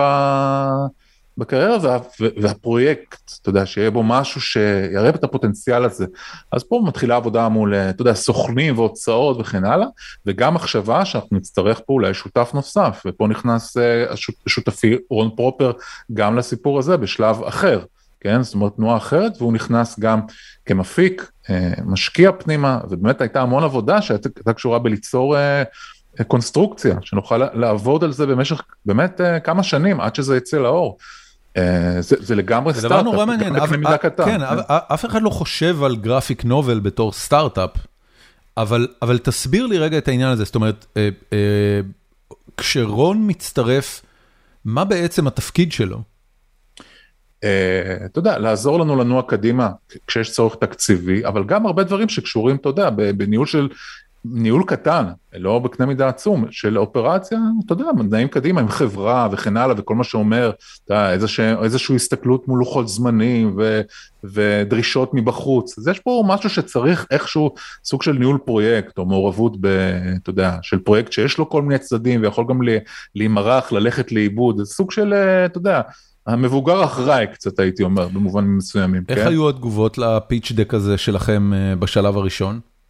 אה, אנחנו די מהר הצלחנו להגיע לכמה הוצאות מרכזיות בארצות הברית וצרפת, לאסף היו כבר אז קשרים מאוד טובים בצרפת, זה מאוד עזר, גם אה, הוצאת בת של מקמילן האמריקאית, First Second שמאוד מאוד אהבו, מאוד נראה טוב, והיו כל מיני, אתה יודע, פינג פונגים סביב זה, וכן בסוף אחרי, אני לא זוכר בדיוק כמה זמן כבר, אבל סדר גודל של פחות משנה, אני חושב, אה, סגרנו אה, עם, עם שתי הוצאות, גם היה מין אה, קו-פרודוקציה אמריקאית-צרפתית על הספר הזה, על בעצם, על הפיץ'. אני, אני, זה, זה כן. בסדר אם אני אשאל קצת על מספרים? אני לא אכנס גם לזה, אני לא, אתה יודע, יש לי עוד שותפים פה, אז אני לא ממש אכנס okay. אוקיי. למספרים, אני, אבל... אני רק אשאל, זה, כן. זה, זה רמות מימון אה, שמשתוות לקולנוע, טלוויזיה או סטארט-אפים לצורך העניין? לא, זה לא מתקרב לסטארט-אפים, okay. אוקיי. אבל זה כן אזורים שמאפשרים איזושהי עבודה בהסתכלות אופטימית כמה חודשים קדימה. Okay. אתה יודע, לאנשים okay. עסוקים שיכולים להתפרנס יפה, איקס חודשים קדימה, זה לא באזורים של... אה, של... אה, זה לא משכורות הייטק. וזה לא משכורות הייטק בכלל. לא, אני מדבר איתך פה. אני חושב שהצחוק שלך נתן לי את התשובה לא, לא, לא, ששקלתי. זה לא באזורים האלה, זה לא באזורים האלה גמור. בכלל, אבל באזורים של יזמות תרבותית או משהו כזה, כן, זה משהו שמאפשר לנוע קדימה, איזה הערכת זמנים באקסל, איקס חודשים, נוכל לעסוק רק בזה. אז, אה, אז אתה, ותומר, אתה, כן. אתה נכנס לשגרת יצירה של גרפיק נובל, ש, שמורכבת ממה? אתה קם בבוקר ואתה יושב מול המקלדת, אתה יודע, כמו סופר, פשוט מתחיל לכתוב דברים, חוקר עוד על התרבות ועל המקום, נסעתם לראות לא, לא נסענו, okay. אוקיי. היה דיבור, היה דיונים, האם אנחנו ניסע עם תקציב, לא נסענו, החלטנו להשאיר את הכל באזורי הפנטזיה, גם, גם לזה יש משמעות. עשיתי אז עוד דברים, זה לא היה משהו שאני עכשיו עושה רק אותו, שובו היה אז בתנועה, היה לי עוד אה, דברים שנעו בתקופה ההיא ככותב, אבל אה, זה היה מרכזי מאוד, ובאמת הכיוון היה לפתח את הטריטמנט שלם מול ההוצאה, הייתה לנו עורכת בהוצאה האמריקאית שעבדה די צמוד איתנו, אוקיי. Okay. אתה מעין פידבק לופס על הסיפור. בשלבים האלה באמת עבדנו זמן רב, אה, קרוב לסדר גודל של, גודל של שנתיים רק על הסיפור. התפתחות ופירוק שלו, layout ים שלו, העבודה של איך בעצם נראה כל עמוד, איך נראה כל, אה, אה, כל panel או כל frame. זה סוג של storyboarding לקומיקס. כן, storyboarding למה כן. שבסופו של דבר פשוט יהיה ה storyboard עצמו. כן, כן, יש פה דמיון לעבודה קולנועית, אבל, אבל זה גם מאוד שונה. גם באופן של השיתוף פעולה, גם האינטימיות, וגם אתה יודע שמה שנמצא על הדף זה על הדף, אתה לא אחרי זה הולך להפיק, אז יש חופש עצום, אתה יודע, לדמיין, כן. זה, זה נורא כיף. וזה נמשך, זה נמשך מול ההוצאה, אה, תקופה לא קצרה בכלל, אתה יודע, אה, עם יוטרנים וחיכוכים, כן. אז, אז זה, זה מה שרציתי לשאול, ב, בעבודה כזאת, אה, יש נקודות משבר? היו בהחלט אי אלו נקודות משבר בכל מיני רמות. אה, גם באופן של החשיבה, איך הסיפור הזה צריך להיראות, וגם הייתי אומר מבחינת הציפיות, בוא נגיד, יש שני סוגי משברים. משברים באזורים היצירתיים, זאת אומרת חילוקי דעות יצירתיים בינינו, בינינו כשלישייה, מה נכון לסיפור להיות, איך נכון לו להיראות בכל מיני נקודות, ו, ומשברים אה, הפקתיים, שקשורים לעובדה שזה הלך ונראה כמו פרויקט שייקח שנים לגמור אותו, לעשות אותו בסטנדרט שאסף ותומר כאומנים רוצים שהוא יהיה. למה? למה? כי בעצם אתה מבין מתישהו, זה 150 עמודים פחות או יותר, כן. שלהשלים כל עמוד זה שבוע, whatever, קח כמה ימים. זה 150 שבועות. אתה יודע, הדבר הזה זה שנים של עבודה. כן. שנים של עבודה. כן, ומתישהו, כן. באיזשהו שלב, התחיל האסימון העצום הזה לרדת. כאילו, משהו פה, אתה יודע, אנחנו צריכים לעשות shift מאוד משמעותי ברמה של להגיש אותו לדדליין, כי יש מצב שאנחנו עמוק עמוק בתוך השוחות של הדבר הזה. כמו שקורה באמת, ב... זה מאוד דומה לסטארט-אפים, ואני יודע על מה אני מדבר, וגם אתה מכיר, כאילו יש תחושה שזה לא, לא יקרה, זה לא הולך לקרות, אין פה זה כבר לא פיזיבול, אין פה, התקציב לא יספיק, לא יודע מה, והדבר הזה אנחנו נצטרך לנטוש איכשהו, כי לא, לא, בק, לא בסטארט-אפים זה קורה מול שוק או דברים אחרים, אבל פה זה קורה מול ציפיות של מציאות. יש דדליין או כמה דדליינים מול ההוצאות, ויש מה קורה בפועל, כמה עמודים אנחנו מספיקים לממש לצ... לכתוב, לצייר ו- to color, וכאילו זה לא, זה יהיה גמור שלוש שנים אחרי. אין, אין מצב רבה. בסיטואציה כזאת לעשות outsourcing. תראה, כבר יעשו, אה לא, אתה מדבר ממש על outsourcing, לא, זה לא... outsourcing במובן של, אה, לא כן, יודע כן, מה, אסף ותומר עושים את ה outline ים, ואז נותנים למישהו אחר, או לחמישה אחרים באוקראינה לצבוע. זו מחשבה באמת מאוד יזמית, שאחרי זה על פרויקטים אחרים שהתחלנו לעבוד, היא כן עמדה על הפרק, לא בפרויקט הזה, זאת אומרת, לא בפרויקט הזה בכלל, וגם אחרי זה זה אף פעם לא קרה, אבל כשאתה כל כך נואש, אתה, אתה מתחיל לחשוב גם על דברים כאלה, אני צוחק לא כי זה רעיון מגוחך, אתה מגיע לרעיונות מאוד משונים מתישהו, אה, אבל זה לא, זה לא עומד על הפרק דבר כזה, כי ברור שאתה צריך את האומן. שיעשה את זה.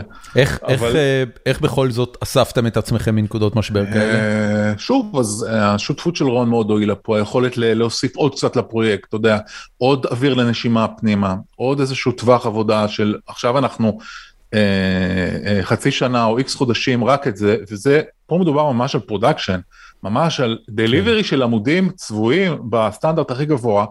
שאתה יודע, אתה יודע, סתם לעשות את זה אוקיי, אבל אתה יודע, לעשות את זה ברמה שלצורך העניין אסף ותומר חנוק יכולים להיות חתומים על העמודים האלה, אתה קראת את הספר, כן. אתה יודע איך זה נראה, כן. קראת דרך אגב את המהדורה האמריקאית, יש מהדורות אה, צרפתית, איטלקית וגרמנית ועוד, שזה פורמט אחר, זה פורמט אלבומי, זאת אומרת שכל עמוד אתה שוקע בתוכו, אתה יודע, בתוך הפרטי פרטים הפסיכדליים בפנים. המהדורה האמריקאית מכל מיני סיבות הם עשו פורמט יותר קטן אז כן, חלק מהאושר, הוא, הוא כן, יחסית קטן, הוא, הוא, כן. הוא באמת, הוא, הוא נראה יותר כמו חוברת קומיקס.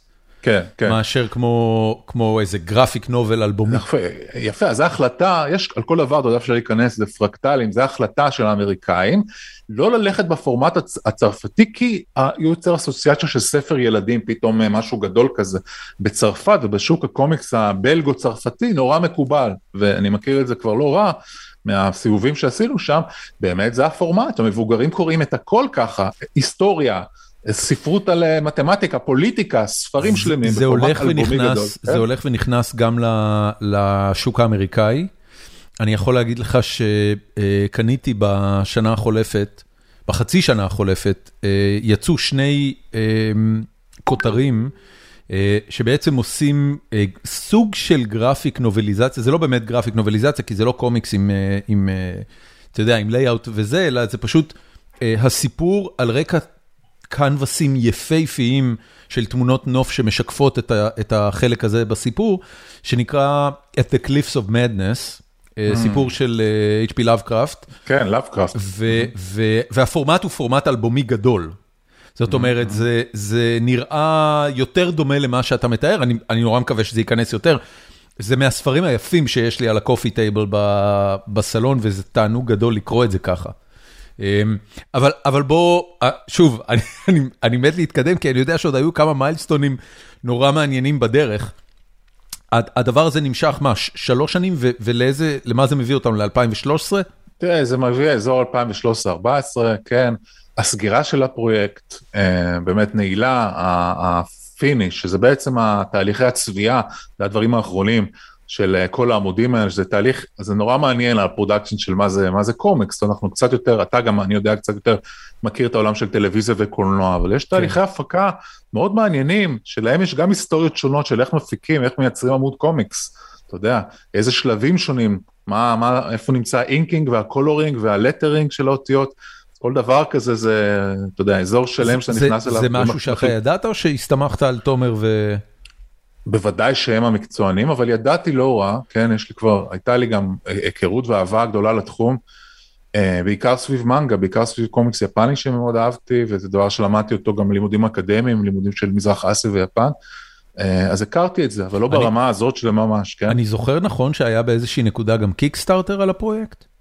לא, אף פעם לא היה, פיק, okay. אוקיי. לא היה קיקסטארטר. אז, לא. אז באיזה נקודה אתם, אתם מתחילים להוציא את זה החוצה ו, ולקבל את, ה, את הפידבקים המהממים? אני, אני זוכר לפחות מהצד שלי, החשיפה שלי לפרויקט הייתה בעיקר דרך הפוסטים שלך בפייסבוק. אה, והפוסטים שלך בפייסבוק, אתה יודע, ממש יכולתי לראות את הטיימליין של היציאה, הקבלה, המועמדות לפרסים, הזכייה בפרסים, כאילו אני, אני זוכר את השנה הזאת, ואני זוכר כמה התרגשתי ושמחתי בשבילכם שה, כן. שהפרויקט הזה מקבל את האהבה הזו. ספר לי איך זה לחוות את זה מהצד שלך, כאילו אתה בסוף מוציא את זה אה, החוצה. היה מאוד מרגש, אין ספק, זה יצא ב, קודם כל בצרפת ב-2015, אחרי שמבחינתנו, במובנים מסוימים גם הספדנו אותו, קברנו אותו, הוא חזר לחיים, קרו, קרו כל כך הרבה דברים שכשהוא יצא, באמת הציפיות שלי, שלי אישית, ואני חושב של כולנו היה, יצא ואוקיי, ונמשיך הלאה, כי כבר אנחנו לא רוצים לשמוע מזה, ואוקיי, הלוואי שיצליח ושמישהו יקרא, וזה יצא בצרפת קודם כל, והתפוצץ, זאת אומרת קיבל כפולה בלמונד וכאלה, אתה מבין? עם דימויים מהספר ושבחים אה, משוגעים בעיתונות הצרפתית, שזה ה... אתה יודע, זה לקבל את השבחים האלה במקומים, ההיסטוריית קומיקס המטורפת שלהם, זה היה רגע משוגע, ונסענו לפסטיבל אה, מאוד מאוד גדול בצרפת, אתה יודע, של קומיקס, אה, אנגולם. זה, זה כן? אימפוסטר סינדרום אה, חזק מבחינתך? בטח.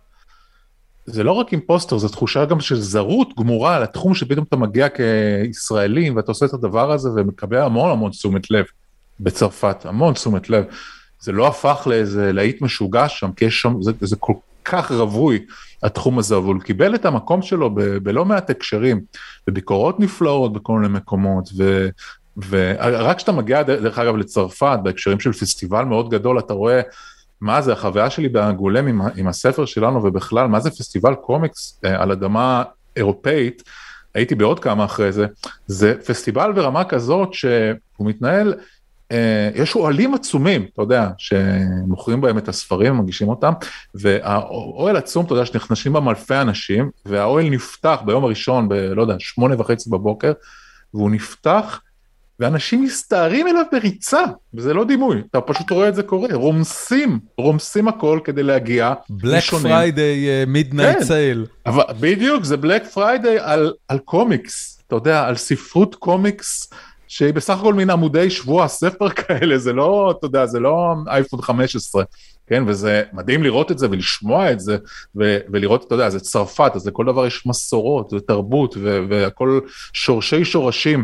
אז זה היה כמה ימים אה, מאוד מאוד חזקים שם ב-2000, באמת שהוא יצא ב-15 בצרפת, אחרי זה בארצות הברית, בקומיקון, אה, היינו אורחי כבוד כאלה, אסף ואני בקומיקון בסן דייגו, גם עם אירוע, כמה אירועים, אירוע אחד שהוקדש לספר, והיה מאוד מרגש, באמת נכנסנו לבסט סלס של הניו יורק טיימס, עפנו מהפסגה איזה כמה ספרים של בטמן, היה בום חזק מאוד. ו... מה, מה זה אומר? אתה יודע, אני, אני, אני רואה המון ספרים שמקבלים את ה title הזה של New York Times best seller. יש לזה, זה כמו אלבום זהב, שכדי להיות New York Times best seller אתה צריך למכור לפחות 100 אלף עותקים, 200 אלף עותקים.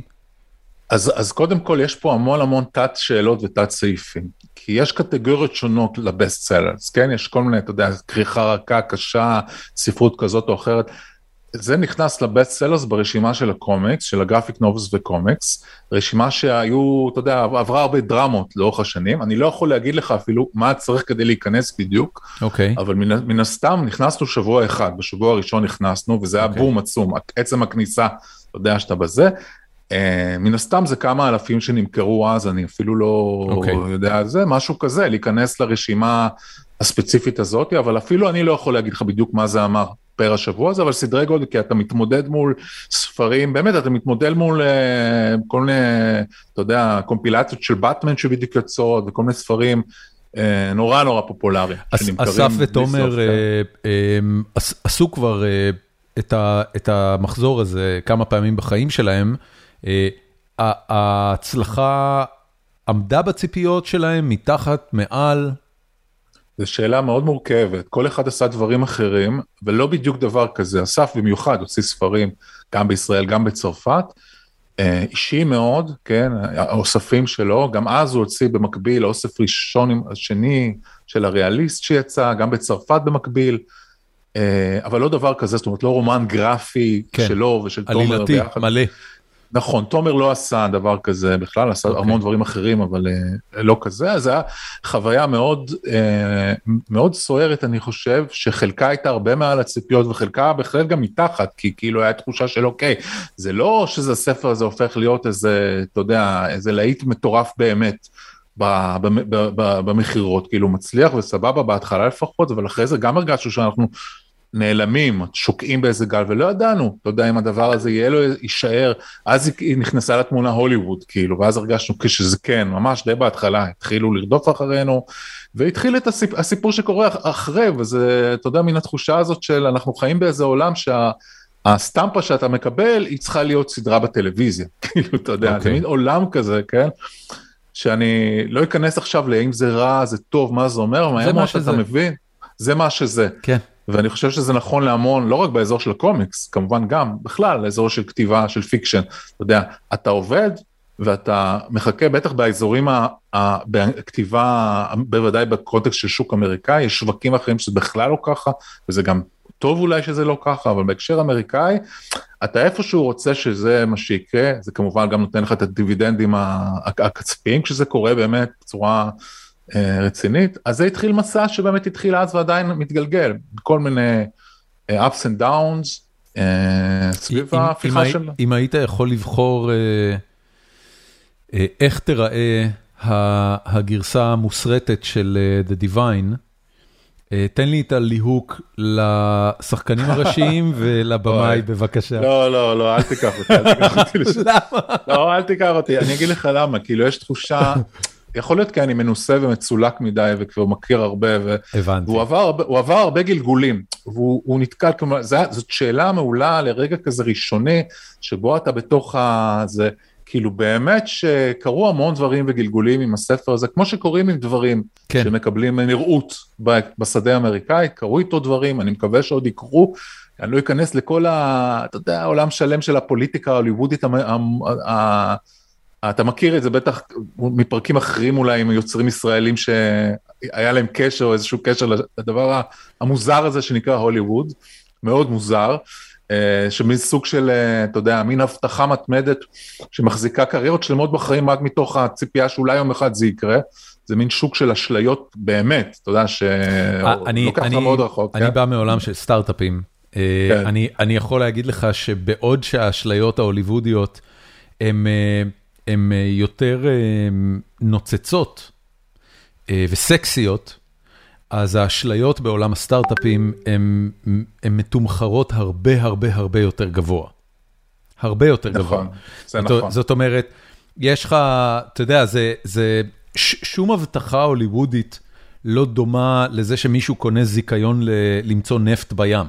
אוקיי, זה כאילו, זה זה נראה נורא משעמם לזיכיון למצוא נפט בים ביחס לפוטנציאל של לא יודע מה לעשות סרט זוכה אוסקרים, אבל הזיכיון נפט בים, אתה מדבר פה על על מאות מיליוני דול, דולרים שהולכים ליטרלי להישפך לתוך הים, במטרה לנסות למצוא ולהוציא ממנו את ה, את המחצב הזה, זה... הוליווד נורא הצטמקה לי בשנים שאני בארצות הברית ובשנים שאני בביי אריה, כי אתה מבין where the real business is, והוליווד, כן, כן. היא, היא ב, בסופו של דבר, הוליווד בקנה המידה של אנרגיה, פרמסוטיקלס, פיננסים, אה, אה, תעשיות צבאיות, הוליווד היא תעשייה קטנה. היא נורא רועשת והיא נורא סקסית והיא נורא צבעונית וצלופנית ומגניבה, אבל היא, היא תעשייה לא גדולה מהבחינה הזאת, או לפחות אתה יודע, ככה אני רואה את זה היום במגניטוד. אה, אמ, אין ספק, אני אגיד על זה משהו, אני חושב שהוליווד, מה שאתה אומר הוא מאוד נכון, אני גם מכיר את עולם היזמות, הסטארט-אפים, בטח הישראלי, אבל מה שאתה אומר הוא חד משמעית נכון במושגים של אה, נקרא לזה באמת הצלחה אמיתית בעולם בשורה התחתונה חשבון בנק אין שום ספק. אבל הוליווד מחזיקה איזה משהו שאין שם והיא עדיין מחזיקה אותו אני חושב גם אם זה עובר תהפוכות והולך קצת יותר לתחום הטלוויזיה נקרא לזה אבל אנחנו גדלנו בעולם שהוליווד זה איזשהו מושג. אני חושב שהיא מחזיקה את זה כי זה, זה מין זאת אה, אצלי, סליחה. אני לא יודע, אבל אני מתנצל כן. על זה, זה פשוט נורא. כן.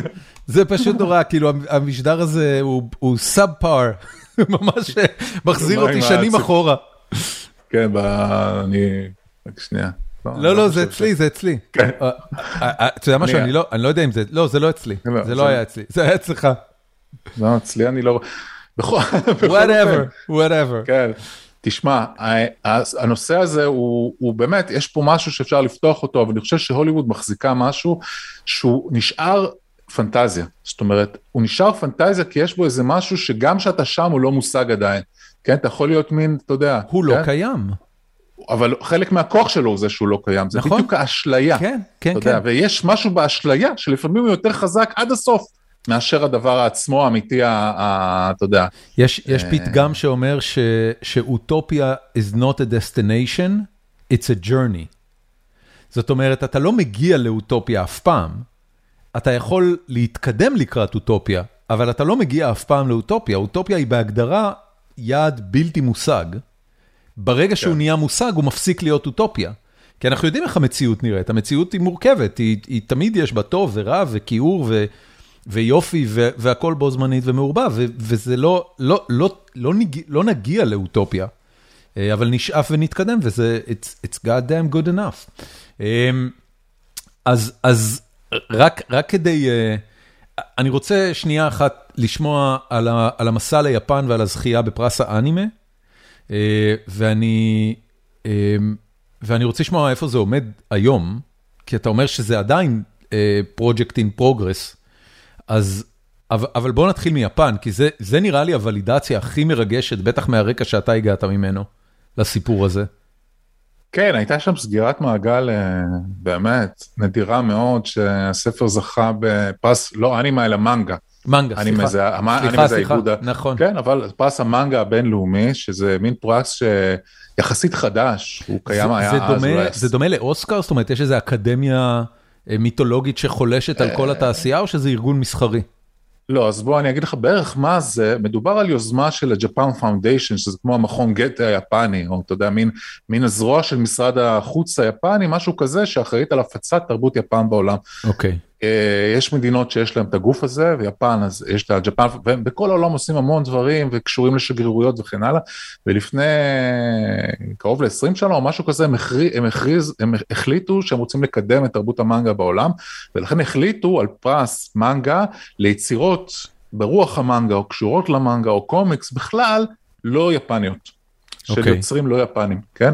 בשביל היחסי ציבור ואתה יודע, הדהוד של התרבות. היפני יש בה משהו מאוד אימפריאליסטי בתרבות היפנית, וזה חלק, זה, יש גם את הצד הזה. כן. ועד שאנחנו זכינו, כל הזוכים היו מהמרחב, מה שנקרא המזרח אסיאתי. זה היה נורא מעניין זה, אה, לראות זה, אחורה. זה פעם כן? ראשונה שמישהו זכה מחוץ ל, ל, לגבולות יפן רבתי? לא, לא גבולות יפן רבתי, כל הזוכים הם לא יפנים בהגדרה. פרס ניתן ליצירות קומיקס, אוקיי. הש... או בהשראת המנגה, אוקיי. של יוצרים לא מיפן, כל הזוכים היו וכל המקומות הבנתי. הראשונים היו במשך uh, כל השנים שזה היה קיים. סין, uh, כמובן, מסין, קוריאה, uh, תאילנד, הפיליפינים, כל מיני תרבויות שמאוד קשורות או יותר קצת קשורות או מושפעות מהמרחב, מהתרבות הזאת, לפעמים מאוד דומה, זאת אומרת קומיקס סיני או כאלה, יש דמיון. ויפן רואה את עצמה בתור מביאה את הבשורה הזאת לכל המרחב, אבל אנחנו הראשונים שזכינו בתור אה, יוצרים באמת לא מהמרחב המזרח אסיאתי בכלל, למרות שאתה יכול להגיד אולי כישראלים אה, ויהודים, לא יודע, אנחנו... לא, לא, לא, לא, לא. כוזרים, לא יודע. אתה לא אסיאתי. בדיוק, אנחנו לא, ולכן היה בזה כל התהליך של הזכייה, של ההודעה עליו. מהשגרירות, שאני הכרתי חלק מהאנשים שם בגלל שאתה יודע, הייתי שוב למדתי יפנית וזה, אבל זה לא היה קשור בכלל, כי זו החלטה היא מועצת המנגה היפנית. כן, אין, אין קומבינות אתה אומר. אה, קשה מאוד להבין איך אה, פה, איך, איך תעבוד פה קומבינה. ובאמת אני חושב שזה הזכייה הראויה, אתה יודע, זה לא... אה, כן, כן, כן. הגיע משום מקום. זה נורא, ו... זה נורא חמוד שאתה בכלל, אתה יודע, זה... זה, זה, זה, זה, זה חלק מהאימפוסטר סינדרום שלך, שאתה בא ואתה אומר לי, תשמע, הכרתי אנשים בשגרירות היפנית, אבל אני לא חושב שמישהו סידר לי את הזכייה. זאת אומרת, אתה ישר מרגיש, רגע, לא, מגיע לי, לא מגיע לי. בוא, אני אספר לך על זה שאני הגשתי את הספר פיזית, ידעתי שיש פרס המנגה, הגעתי לשגרירות יפן בעצמי לבד, אמרתי לשותפיי, אני הולך לעשות את זה, זה פרוצדורה, אני יודע מה זה בירוקרטיה יפנית, יש לי היסטוריה עם זה כבר מאוד קרובה, ידעתי. הגעתי לשגרירות להגיש את הספר ולמלא את כל הטפסים, והם היו בשוק ממני, כי זו פעם ראשונה שמישהו הגיש את זה, את הפרס הזה, את ה, לפרס בישראל, בשגרירות. ועברתי על כל, על כל הטופסולוגיה היפנית, שזה אלופי העולם, ב, ב, הם והגרמנים איפשהו, אתה יודע, אמריקאים מקום שלישי נראה לי. אתה יודע, עשיתי את כל מה שצריך כדי להגיש את הספר, ושכחנו מזה לגמרי, ואחרי חודשיים וחצי התקשרו אליי בהלם מהשגרירות ואמרו אתם זכיתם במקום הראשון במדליית הזהב. מה היו נימוקי הזכייה? אה, אני לא זוכר בדיוק את הנימוקים, אבל זה היה כאילו באמת, שיבחו את היצירה ומצאו קשרים לה, להיסטוריה של האומנות היפנית וכן הלאה, והפרס בעצם היה מעבר לזכייה ולזה, זה היה מסע, אירוח ביפן, מסע, וטקס באמת משוגע לחלוטין באולם האירועים של משרד החוץ היפני בטוקיו, כאילו, אתה יודע, ממש טקס קבלת הפנים של איזה, של איזה ראש ממשלה, עם סגנית שר החוץ היפני שם, ואתה יודע, מאות אורחים, ואירוע מאוד מאוד מאוד חגיגי. אה, כמו שהיפנים יודעים לעשות, כולל חזרות גנרליות אה, יומיים קודם. מה, מה היית צריך ללבוש? אה, לא אמרו לנו בצורה מפורשת, מה היה ברור שהקוד לבוש הוא, אתה יודע, צריך זה, אבל אמרו לנו המון דברים אחרים מה אסור ומה מותר, כולל מאיפה ללכת, מאיפה זה, דווקא על הקוד לבוש לא... ומה לבשת? לבשתי איזשהו שקט שהבאתי איתי, אתה אוקיי. יודע, אני לא... זאת אומרת, באת מכובד. באתי מכובד, אבל היו המון המון דברים קטנים שהיה צריך כאלה לבצע, איך בדיוק לזוז, למי ללחוץ ידיים, וזה באמת טקס ברמה טקסית מאוד, אה, למשל מה שלמדתי על היפנים דרך הטקס הוא שבחזרה הגנרלית עושים את כל הדברים וחייבים לעמוד ולזוז לפי ההוראות, ולמשל יש גם צלמים שמצלמים בכאילו. צלמי פייק כאלה, רק בשביל שתבין שבאירוע עצמו יהיו צלמים. אוקיי. ומתי שאתה נופל לך האסימון שהם כאילו משחקים את הצלמים, והם לא באמת צלמים. זה יפנים, כן, אתה צריך כאילו, וזה לוקח לך זמן להבין שזה לא שקורה פה. כן. בכל אופן זה קרה, זה היה, ואני נאמתי ביפנית נאום קצר של שלוש ארבע דקות. הודית לאמך ואביך שהביאו לך עד הלום?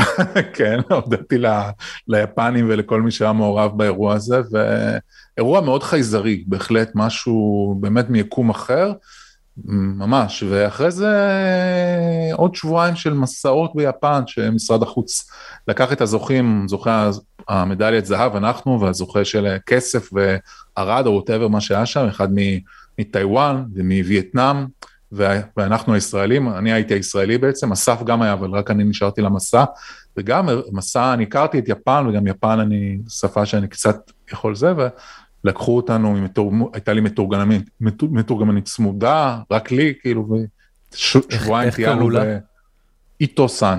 איטו סאן, יפה. איטו סאן, כן. חיים שפיר, אה, חיים שפיר אה, שיתף שהשם של טאקי אה, נולד מזה שהוא פגש שם מישהו לאיזה שותפות עסקית, והאישה שאיתה הוא, לא יודע מה, דיבר או משהו כזה, קראו לה טאקי, אז הוא קרא למשחק על שמה, ואז הם גילו שמשמעות השם היא מפל, שנורא מתאים למכניקה של... אה, סיפור נהדר, זה סיפור נהדר, הייתי בשוק. זה באמת, אמרתי, אין מצב, אין מצב. there you go. אני, אני אסיים את, ה, את החוויה הזאת בזה שהעניקו לנו מעבר לפרס ולכל זה, איזושהי מתנה. עכשיו, המתנה הייתה את העטיפה, הכריכה של הדיוויין, זה איור של, של תומר חנוכה, עשויה מפרחים בתוך, בתוך מסגרת פרחים חיים? זכוכית. אה, כן, פרחים, זה איזה אמנות יפנית שהם לוקחים פרחים, ועם הפרחים הם מעצבים את העטיפה במין מלבן, וזה אחד הדברים המשונים ביותר שראיתי, אתה יודע, אי פעם בחיים שלי בתור איזה, זה, אתה יודע, זה היה מאוד מאוד מוזר. זה שרד?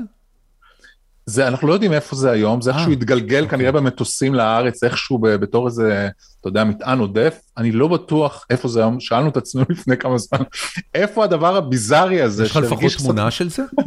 יש לי תמונות של זה, כן. גדול. זה, זה מרגיש כמו, זה הרגיש לנו כמו איזה, כאילו נותנים לך קצת האסוציאציה המורבידית שלי הייתה כאילו נותנים לך איזה גופה מאותרת, כאילו זה... מעצבים לך את, הס... את כריכת הספר במין, עם איזה אורגניזם כזה, אתה יודע, זה, מאוד זה, מוזר. זה עניין עם פרחים, אה, יש לי חבר פה ב, בארצות הברית שאמר לי פעם, שהוא לא מביא פרחים אה, לאשתו או לאף אחד אחר, כי... כי זה כמו להכניס מוות הביתה, אתה מביא הביתה יצור חי שנמצא בשיא יופיו, רק כדי לראות אותו דועך ומת לאורך השבועיים הקרובים, ואני לא יכול להפסיק לחשוב על זה, ועל פרחים באופן הזה, מהרגע שהוא אמר לי את זה. זה ממש, הוא הרס לי פרחים לנצח. כי עד אותו רגע התייחסתי לפרחים בתור אקט של, אתה יודע, להכניס אביב, להכניס פריחה לתוך הבית. אבל זה לא, זה להכניס גסיסה לתוך הבית. נכון, להכניס קמילה, כן, יש בזה משהו. הנה לך זר של משהו שיקמול במהלך כן. השבועיים הקרובים. כן. אשתי עדיין אוהבת אגב פרחים. כן, להביא גאדג'טים זה יותר בטוח מבחינת זאת, אה, נכון, נכון, להביא גאדג'טים זה להביא משהו שימושי. להביא בקבוק יין זה להביא משהו אה, אה, מנחם, מפנק, אותו דבר שוקולד, אבל פרחים, דבר מוזר. טוב, בוא נעבור קצת לדברים שאתה רוצה לקדם, אה, כי נתתי לך heads up אחרי שבכמה פרקים אחרונים, האורחים שלי אה, אה, היו היו המומים, כמו כמו like a deer in the headlights, כש, כששאלתי אותם על מה הם ירצו להמליץ, אז התחלתי לתת תחנה ש, שאנשים התכוננו עם ההמלצות שלהם. כן, כן, כן, כן, כן. אז זה מעולה שאמרת לי, זה גרם לי ככה לחשוב, אתה יודע, ו... קודם כל, רק, רק כדי שיהיה ברור, אה, אני אשים לינק לדיוויין אה, ולספרים נוספים של אסף ותומר חנוכה, שאני אה, גם רוכש נלהב וגם מעריץ נלהב של שניהם. וגם כמובן לפודקאסט שלך עושים תוכנה, שכהכנה אגב לשיחה הזאת, עשיתי, הקשבתי לכמה פרקים, כי רציתי לראות איך אתה מגיש, ושמתי לב לשני דברים. קודם כל, אתה נורא רגוע בפרקים. אתה רגוע, כאילו אתה רן לוי רגוע. רן לוי מגיש את עושים היסטוריה, כאילו, כאילו על, אה, על אה, קלונקס. אה, הוא מספר על אירועים זוועתיים, עליות ורידות בהיסטוריה, כאילו ממש דברים, אירועים, אירועים קשים ומטלטלים בחיים של אנשים, והוא מספר את זה בשלווה מונוטונית. שגורמת לך לחשוב שכל הדברים האלה, אף אחד לדופק שלו לא עלה מעל 90 לאורך כל הדרך, ואתה עושה אותו דבר על תוכנה. אני, אני תוהה אם זה משהו שהסלילו את כולכם אליו, או שזה, או שזה באמת משהו שפיתחת, כי אמרת, זה, הס, זה הסגנון הגשה שלי. זו שאלה מעולה. אני חושב שגם הסגנון שלי עוד ישתנה, אני חושב, זאת אומרת, כי אני חדש, נגיד את זה ככה. אוקיי. אני מנסה קצת דברים. אמ, זאת אומרת, זה קצת אקספרימנט, כל הדבר הזה, לאן אני אקח את זה. אבל אין ספק, אה, אתה יודע, באופן מודע או לא מודע, שמתייחס למה שרן לוי עושה בתור רפרנס גם בתור זה, אבל זה, זה אני, זאת אומרת, אני לא משחק איזשהו כן. תפקיד. אמ, אבל מעניין, אני אחשוב על זה, אני אחשוב על זה. אני אגיד ככה על, על, על הפודקאסט, שאותי מאוד מעניין לקחת אותו, וקצת לפתוח אותו למי שלא, אני גם לא איזה מתכנת דגול, אני מאוד אוהב את התחום, אני יודע לכתוב קוד, אתה יודע, Python וכאלה, אני אוהב את זה, אבל אני לא מתכנת במקצועי, אני לא מפתח, ועדיין העמדה שבה אני נמצא היא כזאת שמעניין אותי, זה, הקהל הוא בעיקר מפתחים ומפתחות, מעניין אותי לפתוח את זה קצת יותר, לדבר על תוכנה וקוד בתור דבר משמעותי מאוד בעולם שאנחנו חיים בו, מאוד. ולפעמים לא, לא כל פרק ולא כל זה, אבל גם מול המפתחים וגם מול הקהל, לשאול שאלות לפעמים קצת יותר גדולות. כן. על מה נעשה בדבר הזה, מה זה, לאן זה הולך, ויש כל כך הרבה אפשרויות לעשות את זה, ולא לדבר רק ב-level הנקרא לזה אינג'ינירי, שיכול להיות מרתק כמובן גם, אבל לפתוח את זה יותר ולהציע עוד דרכים לחשוב על הדבר הזה, אני, כן? אני חושב שאנשים לא מבינים עד כמה אה, לימוד והבנה של שפות תוכנה אה, קריטיות להצלחה בעולם היום. זאת אומרת, אתה יודע, אני, אני, מכיוון שאני חושב על זה כמו על כל שפה אחרת, אז אני אומר, אוקיי, אם אני היום יכול לבחור שהילדים שלי ילמדו, בנוסף לשפה המדוברת של אנגלית ועברית שאנחנו מדברים בבית, שילמדו ספרדית, צרפתית או Python, אה, או C++, אה, די ברור לי שאני שולח אותם לתוכנה, רק בשביל שיבינו מה, מה קורה שם, כי זה כל כך קריטי להבנה של טכנולוגיה ולהבנה של איך העולם חושב היום.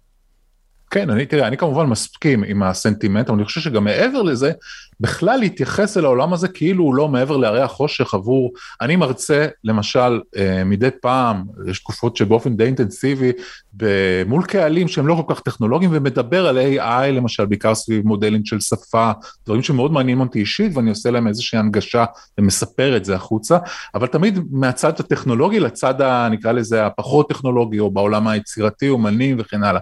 ואני מרגיש שיש תהום פעורה בין העולמות האלה, ואני חושב שזה לא הגיוני שזה ככה, משני הצדדים, כן?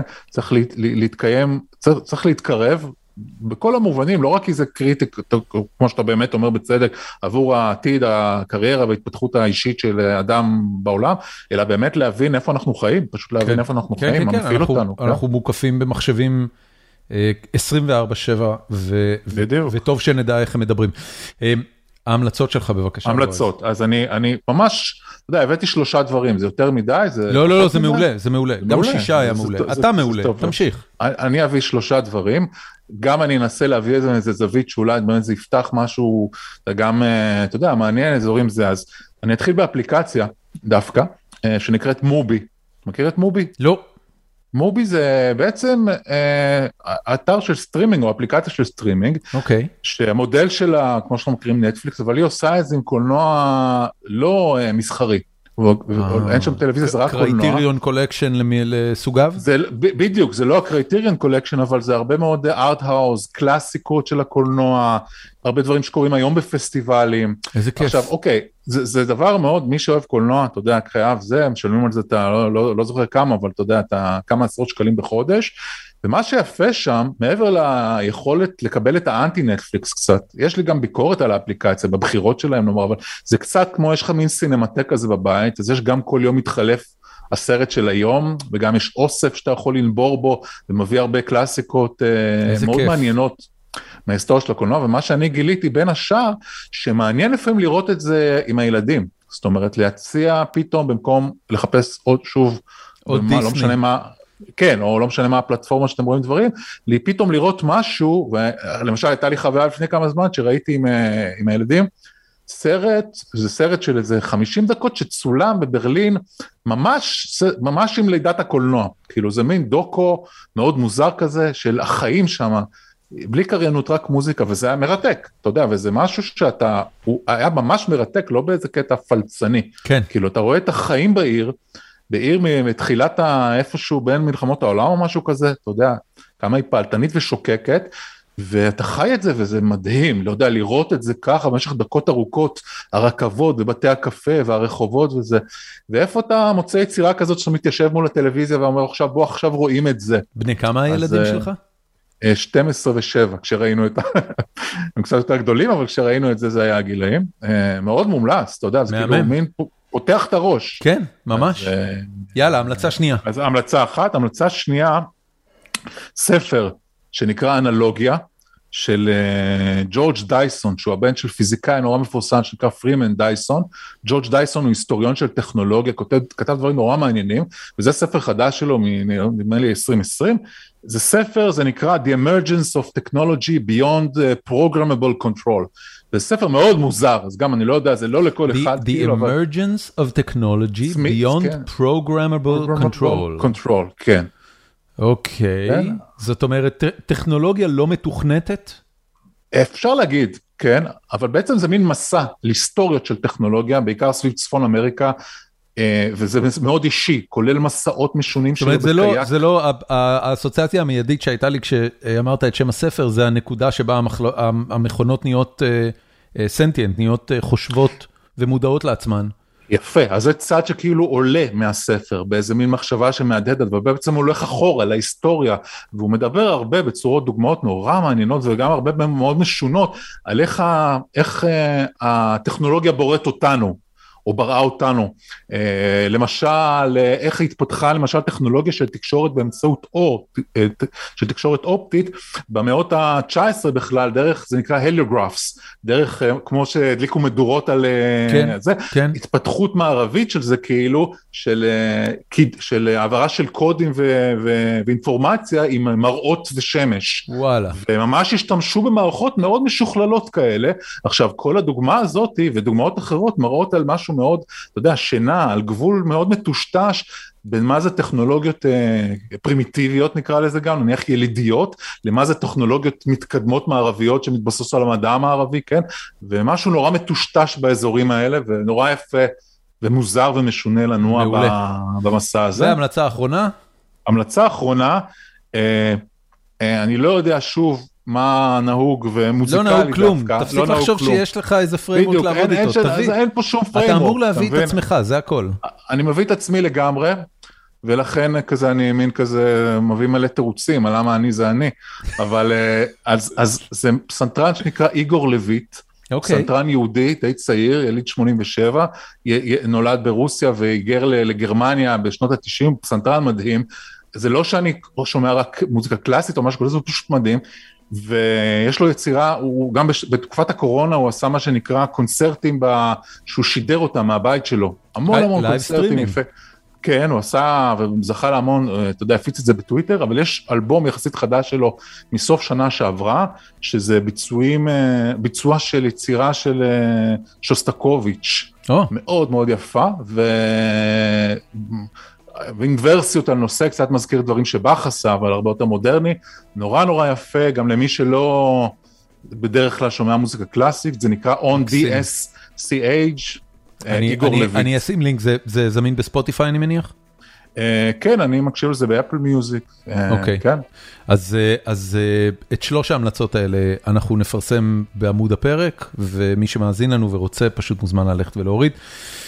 זהו בועז, תקשיב, אני רק אגיד לך משהו, מכיוון שלא דיברנו כמה שנים ואני לא יודע מתי נדבר עוד פעם, אמ, אני רק אגיד לך, דע לך שאיפה שאתה נמצא ומה שאתה מפרסם, אני מעריץ מהצד.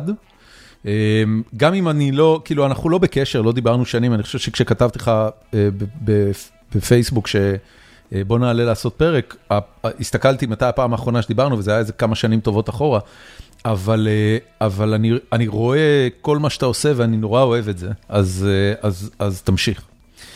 מאוד מעריך את זה. בשמחה. באמת, זה בשמחה. כיף, כיף לשמוע ומאוד מאוד אה, מחמם את הלב. יאללה, תודה. תודה.